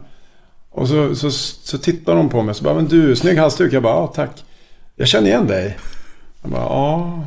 Jo, men du är den här killen som har varit på alla matcher de här senaste åren. Och det är du som alltid brukar vara så sur. Och det är ju liksom, jag som sagt. Det är du. Ganska dålig förlorare, Ja, har ganska mycket åsikter. Men att då så här, ja jo det är väl sant. Och bara, ja, vad gör du nu? Bara, jo, nej men nu. Alltså att då få komma in och säga att så här, men ja, jag var där, jag var arg, jag hade mycket åsikter. Mm. Men jag lyckades på något vis få komma till en situation där jag fick vara med och styra och rätta upp de grejerna som jag varit frustrerad över. Det är klart det är ju lite så här, det är lite life goals Mm. för en sån som mig. Så det är klart jag är otroligt eh, tacksam över att ha fått vara med om den här eh, perioden. Ja. Det måste jag säga. Men alltså, folk måste ju höra av sig till podden om de vet vilka, vilka de här tvillingarna är. Som jag har sett på matcher. Jag började gå på hockey i Stockholm kanske runt 03-04 var jag här första gången. De är alltid där. Ja, Ja, men det är, det är ursäderlövare. Ja. Fantastiska sådana där killar som eh, är grunden till den här klubben. Som är den här klubben. Även om man inte bor i Umeå så, så, så finns man där på varenda match. I med och motgång. I, alltså det, är så, det är så fantastiskt häftigt att ha följt. Även under de här tuffa åren som vi ändå har haft. Mm. Eh, faktiskt. Det är väldigt häftigt. Jag tror jag har sett dem i liksom Uppsala, Västerås, Norrköping också. Det är Ja, ja. Ja, Södertälje. grymt följe här nere Ja. ändå. Ja, nej, verkligen. Nej, men så det... Så är det. Sen... Förlåt, kör du Sebbe. Ja, nej men... Nej men jag tänkte, nu har vi snackat mycket om, om det som har varit bra eh, och eh, gått bra för klubben och, och dig själv. Eh, och jag tänkte bara... Det blåser ju, det har ju blåst väldigt mycket kring den här klubben. Eh, och att jobba så nära en klubb som man älskar och man märker att folk är förbannade för att någonting har hänt. Hur, hur, påver- hur påverkar det en? Ja, men det är ju jättejobbigt. Ja. Sen blir det ju, det, det är klart det hjälper lite grann att man är, man har varit en av dem som har varit förbannade. Mm. Eh, så att man på, på det sättet så har man också kanske Så har jag kanske försökt, som jag i och för sig ibland kanske fått kritik för också, men jag har ju försökt vara ganska öppen. För jag vet hur ni känner. Mm. Jag eh, har ju suttit där ni sitter. Eh, och man måste ha en fruktansvärd respekt. Oavsett vad som driver en klubb, vilka som liksom ser till att pengarna kommer in och så vidare. Man måste ha en fruktansvärd respekt för de som äter och bajsar eh, ett klubbmärke. Ja, jo, jo, jo. Ja, men ni förstår vad jag menar. Som man säger. Ja, men 24-7 liksom. Eh, de, man måste ha fruktansvärd respekt för det. Eh, och det, det är klart att och därför har jag försökt ha en, en hyfsad öppen dialog och försökt besvara på det, av det man kan besvara. Det har faktiskt märkts tycker jag. På Twitter som jag Ja. är mitt sociala medium. Där jag håller till mest så har, har det varit ganska bra på den tiden då du satt där. För det gick ganska snabbt att få svar på sånt som som man kanske undrade över. Ja, men det är ganska lätt att saker blåser iväg. Mm. Jag minns det var, det var en klassisk grej när, när eh, Gurra drog ganska stora växlar på, eller på VK, drog ganska stora växlar på vad Micke hade sagt i en, i en intervju. Eh, och där jag snabbt kände att det där stämmer inte riktigt, utan det är egentligen så här. Och det är ganska små saker som kan göra att den där stormen i vattenglaset faktiskt inte blir någonting. Och det är klart att Eh, Det var ju extremt förra året med allt som hände. eh, Men, men att ändå stå rakryggad och, och försöka beskriva så gott det går eh, vad som hände. Det, det förtjänar ju rätt många att få reda på. För det blir ju inte bättre av att inte försöka förklara eh, vad som hände. Precis. Vi kan ju bara förklara hur Ja. det var. Det var ju att eh, Man kan ju säga att vi hade vant oss vid plusresultat på plusresultat från den nya Björklöven. Ja, och det började väl tisslas och tasslas som att det kanske skulle vara röda siffror för första gången. Eh, och sen så kom väl nyheten, nu minns jag inte exakt datum såklart, men Nej, men det var i alla fall ja, efter verksamhetsåret så kom det... Jag, såg, jag, fick reda på det genom rubriker i tidningen i alla Mm. fall. Och det pratades om 3,5 miljoner Mm. back för det verksamhetsåret. Hur upplevde du det året? Du som var på insidan. Ja, men naturligtvis helt eh, horribelt. Om jag ska vara ärlig. För det är klart man, alltså det som vi hade byggt upp. eh, Allt som vi har varit med om att göra under de här åren. Eh, all den tilltro till att vi gjorde plusresultat i fem år i rad. Helt plötsligt raseras ju allt. Och, och vi ifrågasätts för att inte ha koll och hur kunde det här ske och så vidare. Eh, Så det, var fruktansvärt tufft. Eh, Men med all rätt, jag menar det är, det är, det är ett hemskt, res- hemskt resultat. Men det, i min värld så är det ju ett år som kommer gå till historien kring, eller för, hur mycket som kunde gå fel samtidigt. Vad var det som Eh, gick snett? Alltså, vi gick ju in i året, och det, nu ska jag säga att det här är, och det är viktigt, för det är, egentligen man kanske inte rota för mycket i det här. Eh, det här är mina åsikter. Mm, mm, mm. Eh, det kanske inte är den styrelse som satt där, men det är mina åsikter. Eh, men vi gick ju in med väldigt högt huvud. Eh, Fagervall hade visat året före att han hade bra fingertoppskänsla, fått in bra spelare. Vi gjorde ett jättebra slut ja, men en slutdel av säsongen som ju var otroligt nära att faktiskt ta oss vidare. Och hade vi fått spela matcher mot de som det var då, det, i playoffen där, ja, men då var det inte omöjligt att vi hade gått upp. Mm. Så vi var ju ganska, vi var ganska trygga i den situationen. Och, och att då få komplettera med en sportchef som vi trodde kunde, kunde eh, sätta en kravbild och komplettera Fagervall och, och, och Jäger som var då eh, trodde vi kunde leda till att, att, att det här var liksom sista pusselbiten. Och, och liksom den rekryteringen gjordes och, och Grönberg kom in. Och, och, och vi kände ju att vi kunde dra på lite grann, för det var ju det vi gjorde. Mm. Vi kände oss trygga i, i situationen. Vi, vi tänkte, ja men nu kör vi. För nu har vi bitarna på plats. Lägger vi bara på lite grann till så kör vi. Men det där lite blev ju ganska mycket väldigt fort. Eh, så det vart ju en ganska dyr trupp fort. Och det, det är klart. Det var väl kanske sak, sådana saker som gjorde att det sen blev förändringar. Eh, men då satt vi ju redan där. Mm. Då satt vi där med en dyr trupp som inte fungerade.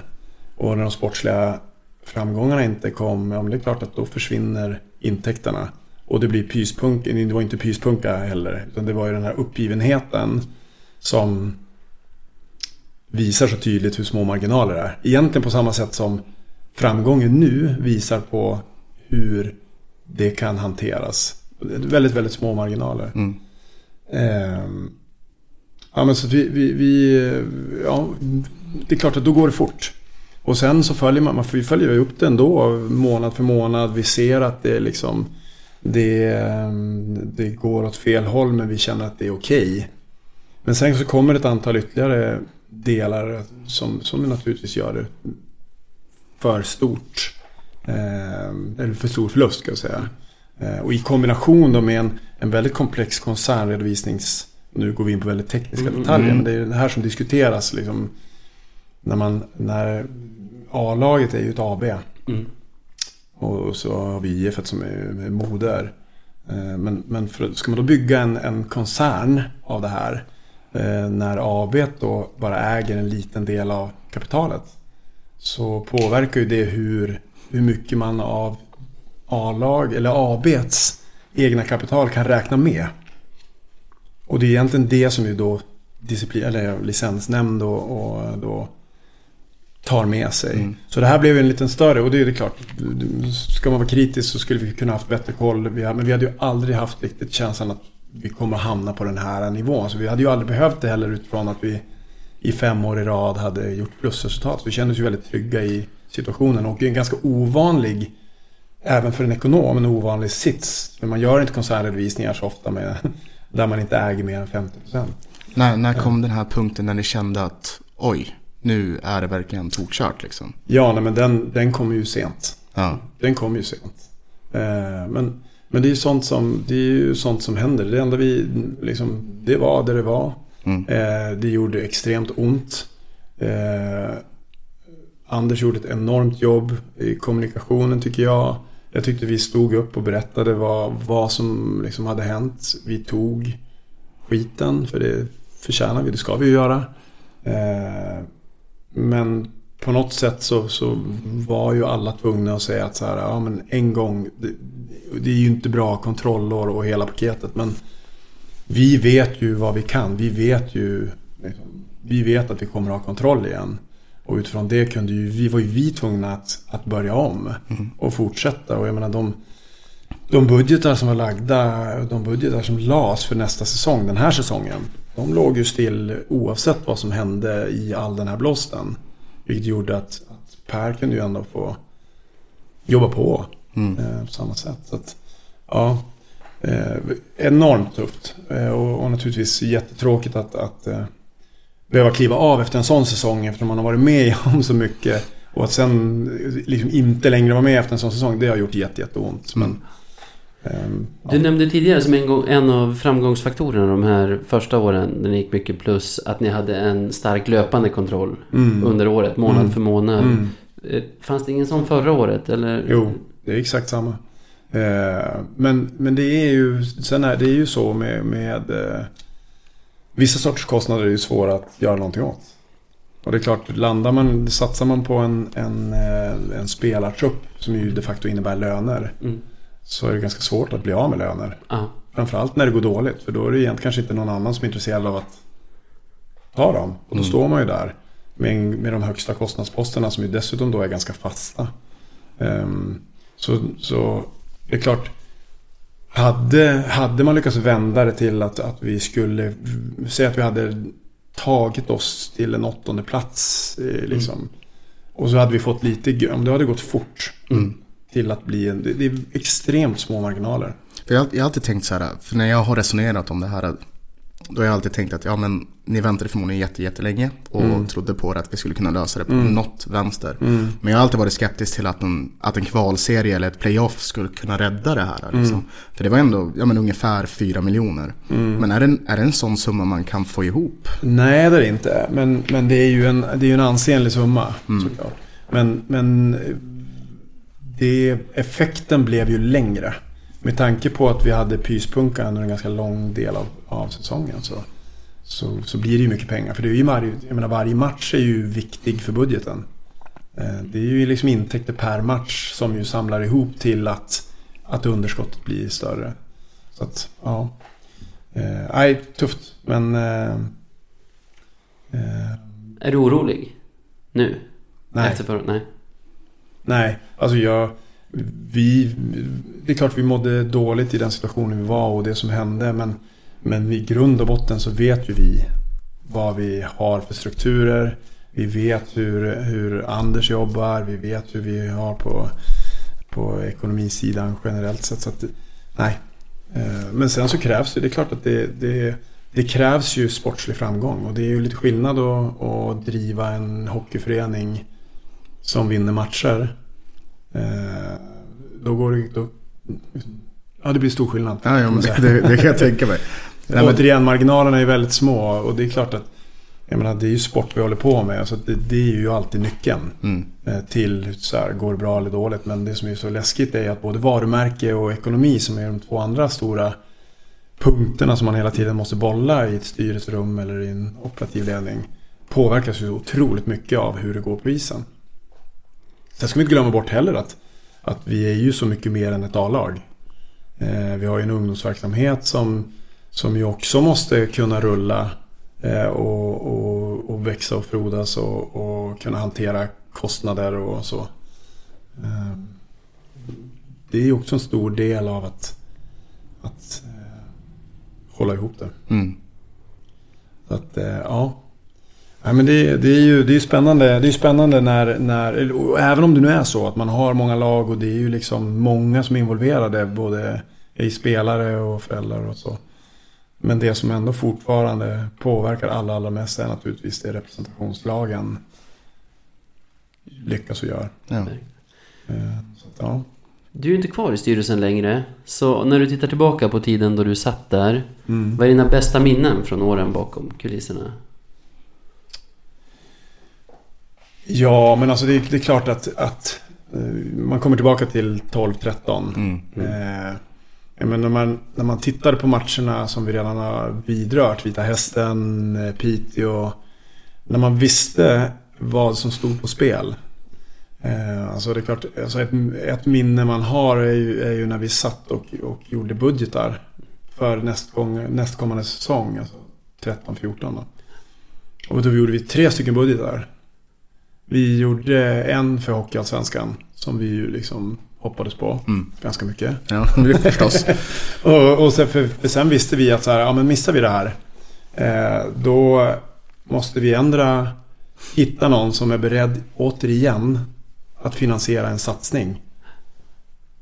Eller också så måste vi som ett tredje alternativ göra en budget där vi är teg. Mm. Det var där vi var. Herregud. Och det är klart att ha den känslan match efter match i en kvalserie som var så jämn. Mm. Och sen få vara med om, om eh, 6000, eh, två personer, tre. Nej, 6002 va? Ja. En mer än. Ehm, och få vara med om den, det, alltså det, det är obeskrivligt. Det kan jag tänka mig. Jag håller det som den viktigaste matchen som den här föreningen har spelat Ja, men någonsin. det, är- det är nog Fast det är det. Ja, det är nog det. Ja, det, är frågan om det var den matchen. Återigen, det är frågan Mm. vilken match var den viktigaste. För att Ja. någonstans hade vi ett självförtroende när vi gick in i den matchen. Mm. Som det kändes som att den största motståndaren vi hade, det var ju oss själva. Eh, men, eh, ja. Ja, Det roliga det är ju faktiskt att titta tillbaka på den tabellen. Om man har i åtanke hur dåligt man mådde hela den våren och hela den kvalserien. Mm. Och så ser man i tabellen att vi slutade tror jag på 21 poäng. Tvåan, Karlskrona, hade 17. Mm. ja. Så det Nej, det är ju... i slutändan så krossade vi den kvalserien. Jag är väldigt glad att jag inte följde kvalserien med vetskapen att det fanns tre budgetar i alla fall. Då hade jag haft Nej. än, än mer panik. Ja, ja, men exakt så. Men sen är det ju sen är det ju så otroligt många saker som händer i en förening. Eh, Det är allt från föräldrar till spelare till allt runt omkring och supportrar. Och, alltså det är så mycket eh, det är så mycket viljor och tankar och åsikter och, och sådana saker som man samlar ihop. Så, så är det ju absolut en, en eh, bra bok som man skulle vilja skriva någon gång. Jag och Micke, ordförande, har, har skämtat om det många gånger att när vi går upp, jag säger när vi går upp, Mm. Ehm, så ska vi ehm, publicera de sms-kontakter som vi hade under matcherna. Under de Ja, helt man, rätt. ja, det är mycket känslor och mycket tankar som man ändå så här... Ja, ja, ja. Nej, det är fantastiskt. Det är, ju, det är häftigt.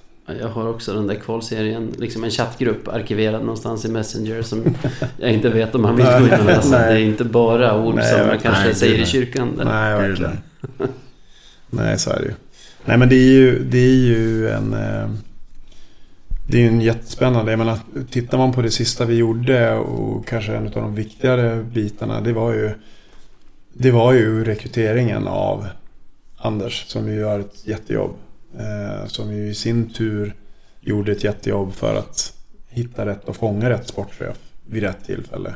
Mm. Eh, och det är klart att det är ju, sådana saker är ju... ehm, även om inte jag sitter med nu på samma sätt, även om jag väl är väl involverad på andra sätt ändå. Men, men även om man har det så känner man att vi gjorde sådana viktiga beslut på vägen som trots ett dåligt år så fick vi saker på plats som nu Mm. ändå förhoppningsvis gör att allting faller på plats. Ja, men det är väl det man får tänka på egentligen. Att alla beslut som har tagits längs vägen Mm. har ju lett fram till där vi är idag. Ja. På ett sätt eller ett annat. Mm, precis. Och just nu så känns det ju väldigt bra. mm, Gör det. verkligen.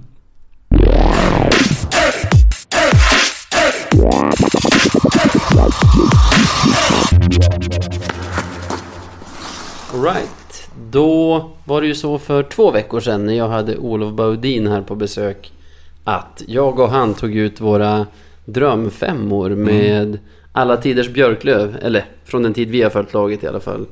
Sebbe har inte gjort någon lista ännu och nu när vi har Jonas på besök så har ni två fått i hemläxa att styra upp varsitt lag.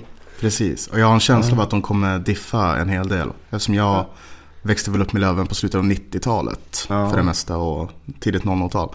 Ja. Så det blir spännande att se. ja, men säg inte det. Jag tycker det är det roliga med det här Säg också. inte det.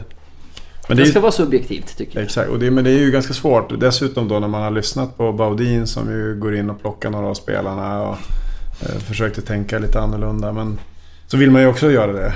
Eh, så det här var faktiskt bland det tuffare Ja, det är svårt. att ta ut. Ja, det är svårt. Eh, Det finns en spelare, jag ska inte säga vilken, som jag tyckte var för obvious och antog att Olof skulle ha med i sitt lag. Han hade resonerat lite likadant fick jag höra i efterhand. Som jag kan tänka mig att, eller som jag hoppas i alla fall, finns i någon av era gäng. Så om vi börjar i mål, vad har du Jonas? Eh, ja, men där har jag ju också utgått lite grann utifrån det som resonerades om då. Jag menar, det är klart, man är ju uppvuxen med Göte och man, när man spelar landhockey så plockar man som Göte såklart. Eh, Så var det för mig. Mm. Eh, och Jörgen var ju också fantastisk. Men jag har faktiskt plockat eh, den tredje av de stora anser jag.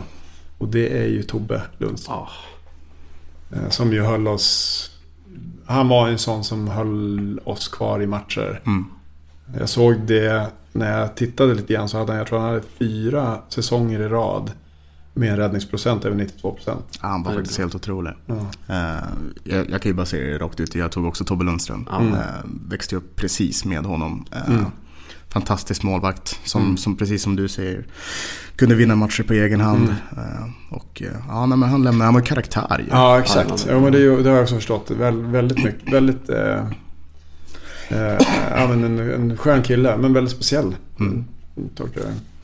Kiruna, just det. Ja, just det. där igen. Vi gillar ju Kiruna Målsar i Löven. det Ja, vi. gör så är det ju faktiskt. Det är bra. Mm. Bra track record på dem. Ja, verkligen. Verkligen. Eh, backar då, vi börjar med Jonas. Ja, alltså... Eh, det är ju precis som du och Baudin satt och pratade eh, om så är det ju svårt att bortse från de stora namnen. Eh, jag har några bubblare som jag kanske kan prata om sen som också kan vara med. Men, men, de, men sätter jag femman så måste jag ju ha två stycken och det är ju... Eh, det är ju den ena är ju Bullen. Mm. Eh, Som ju... Och vi pratade lite grann om det före det här känslan kring så här, hur, hur, hur, eh, om man ska ta ett sånt här lag, hur ska man mäta spelare från förr i tiden kontra idag? Ja, Det, är händer ju väldigt alltså. mycket i hockeyn. Men min känsla när man tittar på, på Bullen och den del, del man såg liksom fram till 92 är ju att han är ju, han är ju en, någon slags Dalert-typ Ja. eh, av idag. Ska jag gissa på. Sån, en sån kille som liksom, det var ju en- enormt mycket ass Ja. eh, poängmässigt. Och, En lirare också. Ja, Ordet swagger fanns ju inte i svenskan då, Nej. men hade det funnits så hade det varit en bild på Bullen. Ja. Nej, men en, en karaktär, verkligen en, en, en karaktär. Så att den, den var ganska enkel. Vad har du då, Sebbe? Jag är ju inte med Bullen. Eh, tyvärr så gick han ju bort samma år som jag dog. Är det som jag som föddes? Ursäkta. Nej men ty tyvärr så är det ju så. Ja. Eh, istället så har jag... Fort, fortsätt, fortsätt berätta medan jag går och förhindrar att min katt äter upp min dotters smörgåsrån. Det är en bra idé. Ja. Nej, istället så valde jag en av mina personliga favoriter. Mhm. Kanske inte den bästa spelaren överhuvudtaget men Santeri Heiskanen. Oh. Rollspelare, Mm. ty alltså tydlig roll på honom. Eh, kom innanför skinnet på motståndarna Mm. och var en härlig karaktär liksom. Baudin hade ju samma resonemang kring, kring honom. Det Mm. var ju verkligen en sån spelare som... Och de här som, som tar sig in under är ju sådana spelare som man ju helst ska ha med sig. Så att, Ja, man vill ju ha dem. ja, men det är intressant att han tar en plats. Det är, det är bra. Men jag, jag rullar vidare på andra. Mm. Eh, där är ju också på något vis... Jag måste, jag måste gå ner till 87-laget. Eh, jag måste premiera slagskotten. Eh, och även där egentligen karaktär. Mm. Eh, utifrån person och så. Och det är Lasse Karlsson. Mm. Jag menar... Nummer fem. Ja, nummer fem, ja. ja men slagskotten, eh, allting. Jag hade dessutom faktiskt förmånen att, att eh, få göra räddningstjänst i Umeå, på brandstationen i Umeå. Mm. Eh, då Lasse Karlsson, Uffe Andersson, Johan Törnqvist och Roffe Berglund. Alla eh, jobbade där. Fan. Och eh, på olika skift. Och jag, jag var på samma skift som Uffe Andersson. Och, och Törnqvist var jag med. Så mycket innebandy. Körde alltid långa mot korta. Eh, och var ju med några gånger som med Lasse Karlsson. Och, och man började ju alltid morgnarna med lite innebandy. Och, och Lasse hade ju en morgonrutin då som jag, och nu kanske jag har fel, men det, så som jag minns det så var det liksom en... Det var en kaffe, en cola och en cigg. Och sen så var man klar för innebandymatch, långa mot korta. Långa mot korta. Lång- Ja, det var liksom, det, där funkade på den tiden. Ja, men det var alltid långa mot korta. Ja. Eh, fantastiskt roligt var det. Det blev jämna matcher. Kaffe, cola, cigg. Det är det man missade under uppväxten kanske. Som gör att man inte Ja. jobbar som hockeyspelare Nej. idag. Nej, precis. precis. Du har en till backställe också. Jörgen Hermansson. Ah, Mm. Var ju kapten där under, under den perioden som jag började titta på hockey. Mm. Eh, stabil. Alltså jag, jag velade mellan honom och Jäger. Mm. Gjorde jag. jag visste inte riktigt vem jag ville ha. Nej. Eh, men jag landade väl i att Jörgen Hermansson är väl den som har lämnat störst eh, avtryck på mig. Ja. eh, tycker jag. Jo, det var många år. Mm. Ja. Verkligen. Jag tyckte just under den tiden vi hade så, vi hade ett speciellt lag på något sätt. Mm. Ja, men det måste vara nostalgin som spelar in liksom. Ja, formativ så. ålder på dig också. Men Ja, mycket, mycket egen, egna produkter var ju i laget på den tiden. Mm. Ja. Eh, Jörgen var... Det var i alla fall folk från området, liksom folk från LN91 som var där och Ja. säkert Vinden också. Mm. Ja, sånt är speciellt. Mm. Jag är, jag är en sån som älskar egna produkter. Mm. Just det, vi har inte ens nämnt det i podden men på tal om egna produkter, Oskar Ståhl Lyrenäs. Ja. Har ju fått eh, Han har dragit. ja, bryta kontraktet och dragit till Tingsryd. Mm. Nu vet ju alla redan om det vid det här laget men Mm. självklar grej egentligen. Alltså han behöver ju speltid och Ja. Jag hoppas det går bra för honom och Mm. jag tycker det är trist när vi inte har plats för egna produkter. Mm. Men vi har ett sjukt bra lag nu så det är nog bäst både för honom och för Löven att han, att han lirar med Ti- Tingsryd nu. Så Mm. hoppas man såklart att få se honom igen i Löven. tack Oskar. Verkligen tack. Verkligen. Mm. Och Jörgen som du nämner, jag hoppar tillbaka till honom. Är ju den som leder Löven i flest antal spelade matcher. Mm. 516 stycken. Det, Det är otroligt. det, ja det är det faktiskt. Han, var, han var alltid med liksom. Mm. Han var alltid där. Mm. Ja, ja, ja. Ja, det är snyggt. Ja, men sen blir det ju ganska förutsägbart när man väl börjar komma upp till eh, på forwardsidan. Alltså, mm, och om inte du har med honom utifrån de åren som du bygger ditt på så har du ju funderat lite annorlunda kanske. Ja. Men alltså, Beliavski är ju Beliavski. Eh, Ja. det, ja, det är ju... Jag tror vi har, vi har pratat nog om det. Så det är egentligen, vi behöver inte ens... Vi behöver Ja, inte nej, nej. nej, jag har ju samma såklart. Ja. Beliavski är med i truppen. Så. Ja, det är bra. För det går inte att prata om honom... Eller det går inte att överdriva den rollen som, och den betydelse han har haft för Björklöven. Nej. Nej, verkligen. Är otrolig spelare verkligen. Och... Nej, man, man, sak, man saknar ju verkligen honom. Det är Ja. det. Det är Ja. en sån spelare man, man saknar. Ja, det är ju egentligen i år som man ser, det går inte att jämföra med honom, men, men man har karaktärer och spelare som kan avgöra matcher på ett sätt som han hade som en självklarhet under alla år. Mm. Eh, och det är ju rätt unik. Ja, alltså han var en sån skillnad så jag tänkte ibland under de här åren, eller jag har tänkt ibland under de här åren sen vi kom tillbaka till Hockeyallsvenskan. Som det året med Fagervall då vi gick till slutspelsserien att exakt den här truppen plus Sasha hade ju kunnat gå upp. För, Ja. för det var ju så med honom. Han gjorde så himla stor skillnad. Ja. Men vi stampar vidare då. Vad har du mer i din Nej, men jag kedja? fortsätter vara självklar och, och jag tror, jag misstänker att det här är namnet som du syftade på där ni fintade bort varandra för ni tänkte att ni skulle vara unika. Nummer 27. Nummer 27, Tore Öqvist. Ja. Eh, det är ju liksom så många säsonger eh, och på det sättet. Mm. Eh, jag, jag blir fortfarande sjukt starstruck när jag stöter på honom någonstans. Det är på något vis. För det blir lite samma för sak för mig. För det var ju liksom de åren som, som man sprang runt där. Och första matcherna man gick själv till matcherna. Mm. Och, nej, Ja. 380 poäng i Löv- Löventröjan. Ja. Det är bara Sasha som har fler. Det man ska säga om Tores 380 är ju att alla har kommit i högsta ligan. mm, Ja, Det är otroligt. exakt. Vad har du mer att bjuda på Sebbe? Ja du. Eh, Du lär ha två kvar. Jag har två kvar. Låt oss säga Steve Potvin. Ah, Oh. Jag säger Steve Potvin. Och sen, nu vet jag att vissa kommer typ vara lite halvarga för att han har en historik i ett annat lag liksom. Men, men det är skitsamma. Under den tiden han var i Löven och det han gjorde där tyckte jag var... Det, jag har svårt att välja bort honom om vi säger så. Playoff 2002 vill jag säga mot Skellefteå och AIK. 1-1 i matcher, avgörande i Umeå. Sudden death. Mm.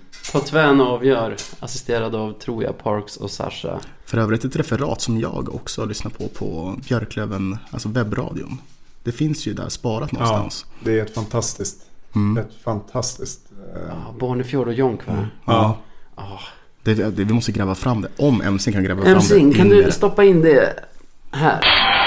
Bara 50 sekunder kvar powerplay nu. Pucken spelas runt. Det är Park som har den. Till Potvin. Potvin skjuter!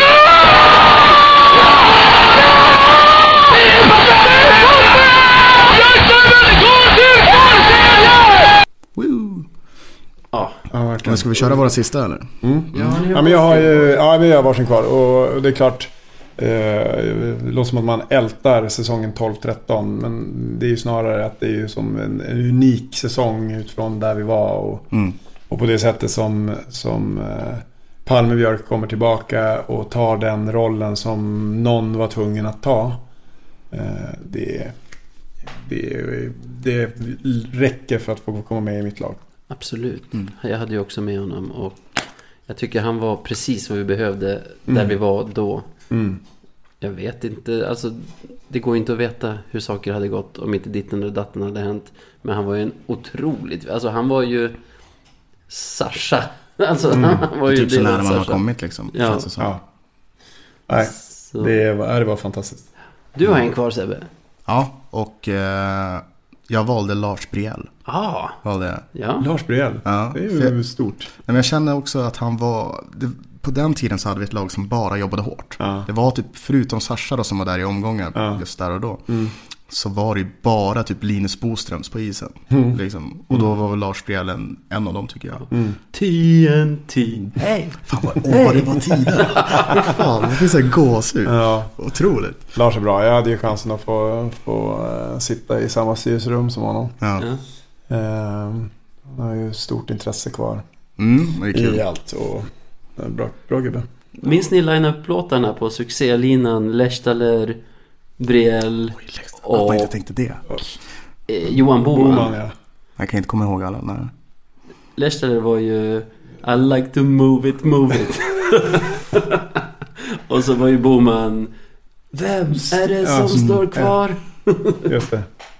Ja, Ja. jävla tider. Ja, det var, det, var, det var fina grejer. Den kedjan som sköt upp oss också i elitserien i den matchen mot Timrå 2000. Jag blandar alltid ihop åren där. Var det 2001? 2000 tror jag det var. Kvalserien 2000. Boman grisar in Ja, den på assist från Brielle. Från bakom målet. Mm. Jag tror Leicester var inblandad också. Det finns fina bilder från det också. Ja, det gör det. Helt otroligt. Ja, Nej, men det var en krydda. Den är Ja, bra. verkligen. Den var Ja, väldigt bra. bra. Men det är många andra. Men det är också som mina bubblare. Jag, egentligen, Kör dem. ja, men tittar man på backsidan och, och, när man, och det är ju lite roligt när man får göra en sån här hemläxa. För då går man faktiskt in och rotar i, i, i statistiken. Och när man tittar på killar som Mattias Hedlund, Martin Mm. Johansson. Alltså sådana här killar som alltid var på plats. mm. Eh, och fick väl också ibland en del kängor för att liksom ibland var för tråkigt eller att det inte Mm. liksom, men alltid på plats. Eh, och när man tittar på vad de faktiskt levererade, det är ju många poäng också. Ja. Utöver allt annat som man som back ska göra. Ehm, och sen har jag egentligen också en, en känslig bubblare. Jag tänkte, jag kan ju göra när du lyfter Steve på tvärn Ja, hamnade där uppe. Eh, Så den säsongen, det är få personer, få spelare, förutom Beliavski, som har hållit ett lag på det sätt som jag tycker Erik Forsell gjorde Mm. Ja. eh, 06-07. Ja. Ja. Eh, och sättet som han drev på och hur det var som att det fanns inget slut på hur Mm. mycket han kunde jobba. Verkligen. Otroligt imponerande. Och jag tycker inte att det är smutsigt av Forsell att gå tillbaka till sin moderklubb som han Nej. faktiskt gjorde. Som var i serien över oss när Precis. han gick. Jag tycker det var kul att du tog upp Kingen. För han tycker jag är exemplet på att det ändå går att tvätta bort ett svek som han har begått. Mm. För han var ju inte så omtyckt när han gick till Skellefteå istället för Björklöven i Allsvenskan. När han hade varit i Modo. Kom tillbaka till Löven när han hade blivit lite till åren och man tänkte att jaha, ska du pensionera dig här, lyfta en årslön. Men han följde ju ner i division 1. Spelade division 1 tre säsonger med oss och var med och tog upp oss. Precis. Så i min bok är hans namn helt rentvått. Ja men alltså alla som var med just det året och i upprinnelsen till den tycker jag också. Det, det, det är historia och det får man ju tacka dem för. Hade vi några fler bubblor? Annars har jag Mm. några. Kör! Jag tänkte på det eh, backmässigt. Eh, Johan Svedberg Ah, Mm. tänkte jag. Han var, han var ju en ikon när jag var liten. Liksom. Eh, väldigt duktig. Gick väl till Sundsvall? Eller var det Leksand där under? Han gick vidare till Leksand tror jag. Nej fy fan, jag minns inte. Ja, Antingen kom han från Leksand och så gick han till Leksand. Men jag tror att han var från Sundsvall ursprungligen. Men visst kom han från Sundsvall och gick till Leksand? Var det inte så? Han kan ha kanske- kommit från Timrå till och med och gått till Leksand. Det här, är. Nej, men, det här är briljant radio. men när han väl spelade så tyckte jag att han var, han var väldigt duktig. Han Ja. hade en enorm pondus. Tyckte jag. En duktig hockeyspelare. Och sen eh, på forwardsidan så tänkte jag. Var de tvillingar eller bröder? Fransoserna Rosenthal. Just, Ja. just det. De var ju, det var ju faktiskt, det var lite annorlunda. och Maurice. Ja exakt. Ja. ja, det var spännande. Det var kul. Det gav en krydda till OS-hockeyn minns jag i Salt Lake 2002. Mm. Att, att sitta och följa Lettland med Sasha och, Och sen och Frankrike Frankrike. med, ja, ja, ja. Det. Jag tror de spelade ganska länge. Alltså just i det franska landslaget. Ja. Eh, Men ja, Ja. det var väl det. Svedberg eh, kom från Timrå. Kom från Timrå. Ja. Mm. Gick till Leksand. Ja. just Var han i Sundsvall någonting så? Ja, han spelade först i Sundsvall, sen Timrå, Ja. Björklöven, Leksand och tillbaka till Sundsvall. Mm. Det är det här jag tycker är bra med att man bara får ta spelare från tiden man själv har tittat. För jag hade aldrig lyft Svedberg till exempel. Och, Men det blir lätt så. ja, Mm. Det här kan ni ju köra många vinklingar på. absolut. Det är bara att köra. Det här tar aldrig slut.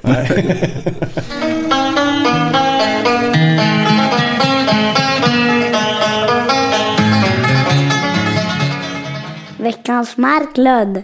Ja men då så, då rullar vi vidare det här maratonavsnittet som det verkar bli. Ja, verkligen. Nu har vi pratat på länge. Det är svårt att sluta när man har kul. Liksom. Ja, verkligen, verkligen.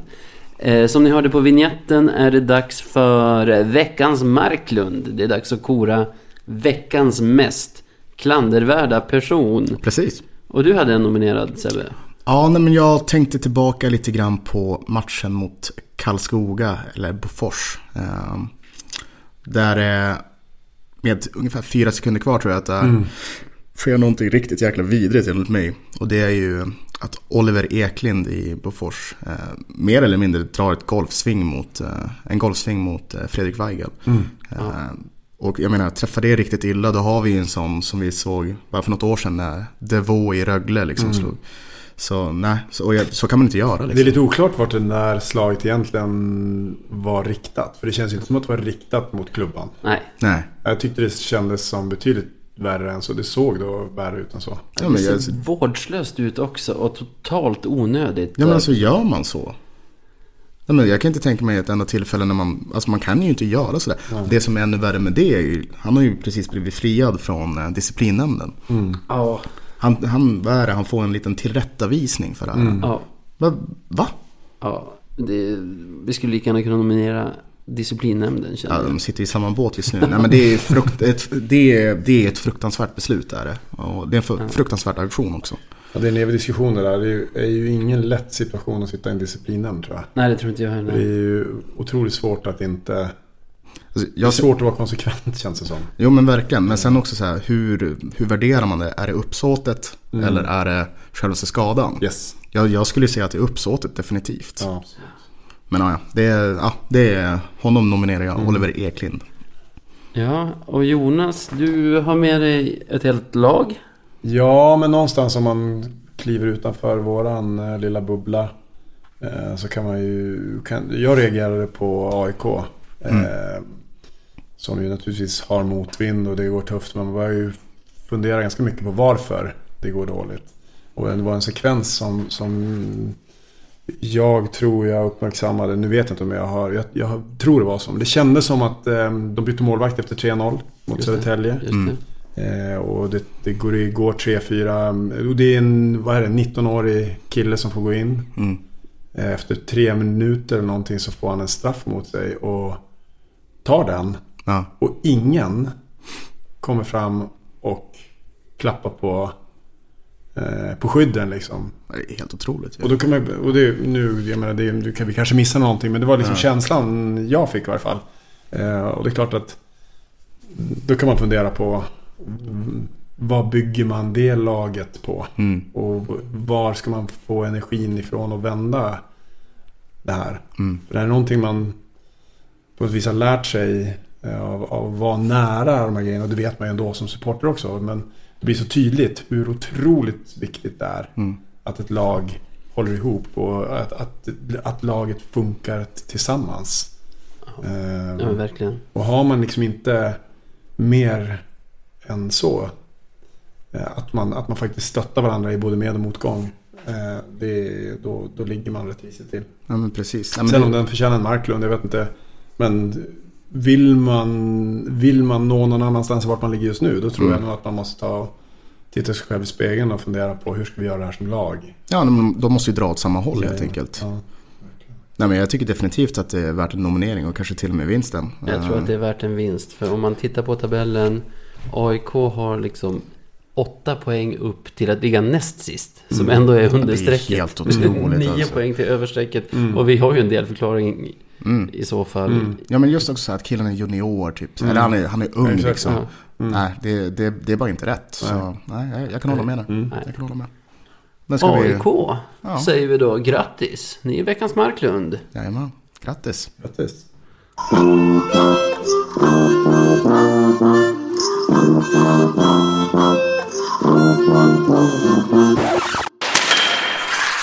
Ja, klockan är nu exakt midnatt faktiskt. Men vi har för kul för att lägga av här.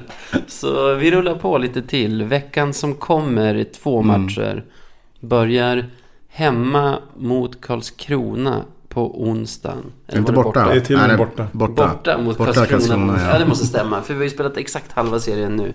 Och vi började exakt. ju borta mot Karlskrona. Ja. Så nu har vi mött alla lag två gånger. Vi krossar i den här serien.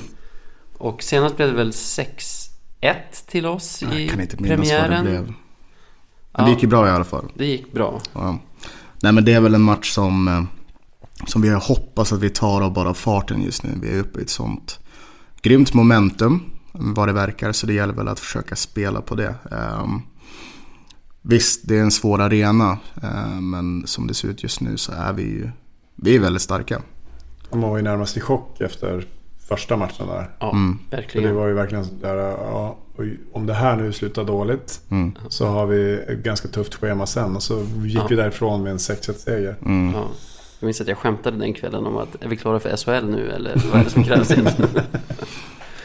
De överraskade genom att bara ta två poäng mot AIK idag. Vi spelar in det här måndag Ja, just det. kväll. Ja, AIK vände väl 1-4 till... Ja, eh, ja. här klagar vi just på deras eh, mentalitet. Men någonting kanske hände, man vet inte. Men sen vände de ju ändå och torskade. Så är Ja. precis. Från 1-4 till 5-4 och sen 5-5 och torsk i overtime. Ja, den måste vara för jävlig alltså. Mm. Nej men det... Ja, men Vi går väl för seger. Ja. Jag vet inte. Vad, vi har ju pratat om det tidigare men jag glömt. Är det nio segrar vi är uppe på nu? Ja, nu har vi nio raka. Herregud. Hur, hur, hur många fick Modo?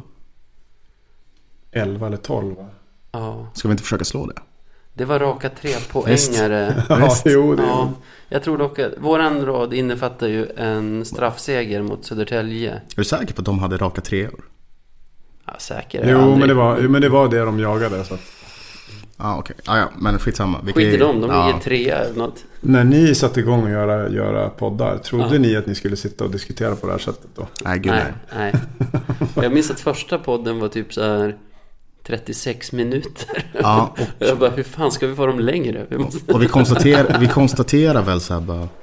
Ja, att vi också trodde att det kommer gå åt helvete liksom för laget. Visst? Ja, Var inte det Ja. i första podden? Ja. Ja, men det kommer passa gå åt på att njuta för nu, nu går det snart åt helvete. Ja. ja, men det har ju gått bra än så länge. Men jag tycker vi, ni ska nog fortsätta säga det. Ja, ja. Ni ska nog fortsätta säga passa på att njuta. Ja, det. det glömmer man ganska snabbt. Det, vi, man tappar ju fotfästet fort. ja. Mm. Eh, Och man har en jävla hybris när så här KK borta känns lite ointressant. För liksom, ja, mest troligt vinner vi. Torskar vi den här så kommer vi ändå vinna nästa. Mm. Att man har blivit en ganska odräglig liksom eh, supporter som helt plötsligt håller på ett av de bästa lagen. Ja. Det, det är man inte så jävla van vid. Nej, vi, vi, vi, har, vi har ganska, det är lite svårt att hantera de här grejerna faktiskt. Ja. Men, det är, ja, men precis så där, man känner väl ingen riktig spänning eftersom man, man vet det troliga, eh, the outcome liksom. Så här. Men med det sagt så kommer man bli sjukt frustrerad och irriterad om det blir förlust. Ja, Och ja, det är då sitter man ju bara, det är säsongen är liksom- i fara. Det, det här kan gå... Ja, ja, så är det. Det går fort. Ja, det är Nu, tufft. nu, nu är vi genomskådade. Tufft Det, här- läge. det här blir en resa neråt. nu kör. Ja, då blir det bara att klippa ut eh, fantastiska kommentarer från Twitter igen. Ja, precis. Om eh, hur allt är på väg att falla ihop. Alltid lite kul med KK ändå eftersom vi har relativt många spelare som har varit där och spelat. Mm. Tänk på Wiklund, Emil, Lundberg. Söder. Exakt. Söder Mm. har varit där också. Ja. Så äh, det blir spännande och vi måste ju tippa matcherna. Nu kan, vi kan inte alla sitta här och tippa vinst. För när vi gjorde det förra gången, Ja, då gick det åt helvete. ja. Så det kan vi inte göra. Ja, Men jag, jag kan kliva in och dra en... eh, Du tar en för laget här. Ja, men jag säger 2-2 efter full tid. Torsk på straffar då. Vi som Ja, är du ser, man blir, man blir frustrerad med en gång. Det bara gör ont direkt. Ja, nej. Ja, Ja, men jag, jag lägger den där. Mm, ja det är men bra. det är en fin poäng. Ja. Ja, jag, jag tror på en... eh, Jag undrar vem som står. Om, om, om Pettersson står så blir det nollad. liksom. Då är det lugnt. Eh, nej men jag tror Men du på... menar att om Kanada står, då har vi problem? Nej, nej, nej. nej, nej, nej. Men ja, vi, säger, Nej, så här, vi säger så här. Eh, jag ska inte vara för kaxig så... Vi gör, det, är en tuff, det kan nog bli en tuff match ändå och vi vinner med 3-2. Tre poäng. Mm, tre poäng. Jag börjar känna lite nu medan vi pratar. Lite oro. Det går lite för bra. Ska vi ha två så här, tippningar om att vi torskar? Nej, jag, jag vill, ändå, jag vill ändå tippa seger. Jag tror vi vinner. Vi är ett bättre lag. Jag säger... Jag säger att det blir en ganska behaglig match ändå. Vi- 8-1. Ja, jag tror att vi gör i alla fall fem framåt. Men, men, Karlskrona två, Löven fem. Men du, du kände ändå att det räckte med att jag började prata lite grann om förlust så började du så började jag ha lite ont i magen. Ja, du ja, började då tappa börjar du tron. skaka. Ja, ja. Ja, det går fort. Det är nästan läge bara att skriva något på Twitter. Ja, Jag var tvungen att hälla upp ett nytt glas vatten bara för att du, bara för att du tippade torsken där. Sen, kul match på lördagen. mm, precis. Hemmamatch har vi. Ja. Eh, säsongens match. En, alltså än så länge. Ja, Eh, det vill jag säga. Och eh, Slutsåld på 22 minuter, 25 minuter, något sånt där. Vi pratar om hemmamatch mot Modo. mm, gick väldigt fort. Ehm, kul ändå. Ja, och det är väl en sån match som, där vet man inte riktigt hur det blir. Eh, För det är ju en sån match med, med derbykaraktär och en- ett rivalmöte. Så då kan det sluta hur fan som helst känner jag. Nej, det blir ju... Det, det är ju spännande läge. Det känns som att, att det var lite tuppfäktning oss Ja. emellan. Och, och jag menar, de går på 11-12 matcher i rad, segrar. Vi är starka. Men det har ju verkligen vägt fram och tillbaka vem som är starkast. Så jag tror att det är ju en clash nu. Mm. Ja. För att visa lite grann att eh, nu, eh, nu är det ju lite grann... Det blir sådana här möte som, som handlar om att visa vart skåpet ska stå inför eventuella möten som kan komma Mm. framöver. Så det, ja, det ska bli otroligt spännande att följa. Och man känner en liten oro också över att Modo är det lag vi haft svårast för. Kanske Ja. för att det är det näst bästa laget i serien också. Men den matchen vi vann på övertid Mm. tycker jag ändå att de var det bättre laget Mm, större delen av matchen. Mm. Och det var ju så tidigt på säsongen så då var man glad bara att vi var med och fightades med, med favoriten Modo. Men nu är, ju, nu är det ju helt annorlunda liksom. Men det var ju å andra sidan åt andra hållet i Övik. Absolut, Ja. absolut. Ja, det, jag är ju fortfarande helt paff över att vi, vi, vi torskade den matchen. Ja. Hur kan Ja. vi torska den matchen? Det är helt otroligt. Mm. Och med det sagt liksom så, den vinsten är ju... Alltså jag vill inte säga att de hade tur för det har man inte liksom på det sättet. Men Nej. med den i åtanke så tror jag vi, vi har nog goda chanser att vinna det här. Mm, Det absolut. tror jag eftersom vi, vi är ett spelförande lag Mm. och bra på det. Mm. Matchen ser jag är vår första 15-match på en lördag också. Då är det inte utan att jag tänker på stackars Marcus Gavelin som vi hade med som gäst i avsnitt. Jag vill säga fem. Låt Som sitter i Australien och ser alla matcher. Nej. 15 borde bli mitt i natten, vid tvåtiden typ på natten. Ja. Ja, det är bara att ställa väckarklockan. En bra tid. Du behöver inte gå och lägga dig, det är bara att stanna uppe. Vad ska vi tippa här då? Hemma. Fan, om vi vinner mot eh, Karlskrona, Ja, vi kör över dem. Jag tror vi kör över dem. 4-1. Jag säger det, jag lägger den. Eller, ja, jo 4-1. 4-1. ja, ja, ta den du. Jag kommer nog att ta torsken här ändå. Så det... Ja. Ja, det gör du. Ja, nej, men eh, någonstans eh, känns det som att de kliver ju verkligen... Alltså de matcher som jag är mest orolig för är de matcherna där vi... Ja, egentligen som den matchen idag var jag orolig för. Eh, för att våra största motståndare i allt det här just nu är ju oss själva. Mm. Eh, och det är inte ett problem, Modo hemma i det läge vi är nu. Jag tror att... ja, Jag tror att det kan rinna iväg men, men å andra sidan så som matcherna sett ut så säger jag att det inte gör det. Det slutar 3-1. 3-1 till Löven. Alltså, Sista är öppen eller? Ja, jag skulle säga det. jag håller ju för sig med om att kommer vi ut som vi ska. Mm.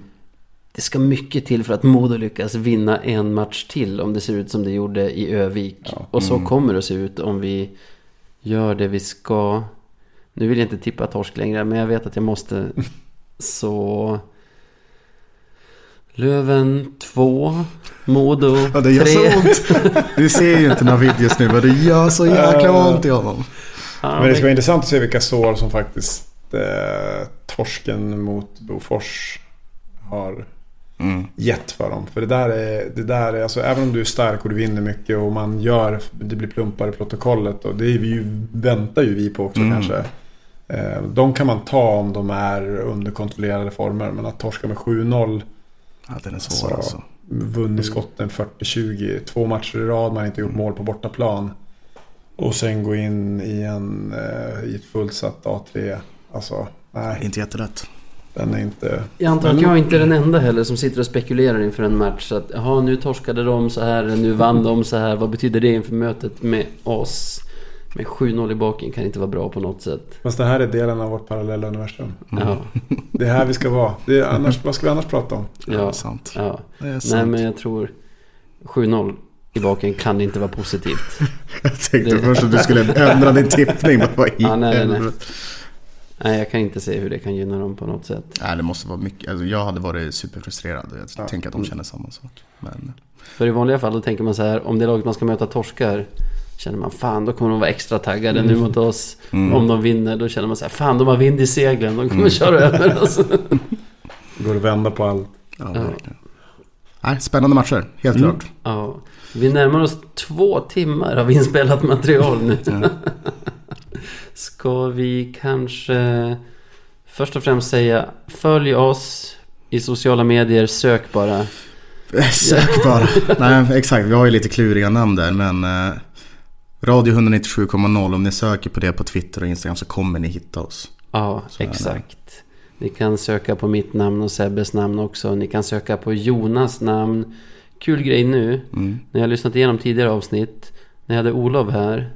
Så sa jag tack tre gånger i slutet av avsnittet för att Tack, han kom tack, hit. Så när vi hade Johan förra veckan. Då tänkte jag på det i slutet. Jag ska inte tacka för många gånger, det låter skitkonstigt. Ja. Sen när jag lyssnade på det hör jag att ingen av oss säger tack. Jag säger något i stil med Vad bra att du kunde vara med, fortsätt hålla koll på grejer så kan vi höras igen. Och sen säger han tack för att jag fick vara med. Vi bara, ja bra, hejdå. Johan, stort tack för att du var med i förra veckans verkligen, tack. Jättetack för det. Och tack Jonas Ja, för att du kom hit. Jonas. Tack, tack för att jag fick vara med. Kom hit och spenderade en hel kväll. Du har varit här i en fyra fem timmar nu. Ja, det blev ju så. Men eh, man kan inte ha det bättre.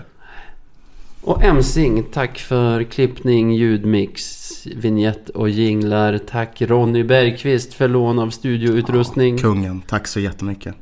Ja, det var väl det. Det var väl det. Ha det bra hörni. Tills nästa gång. Ja. Hej, hej.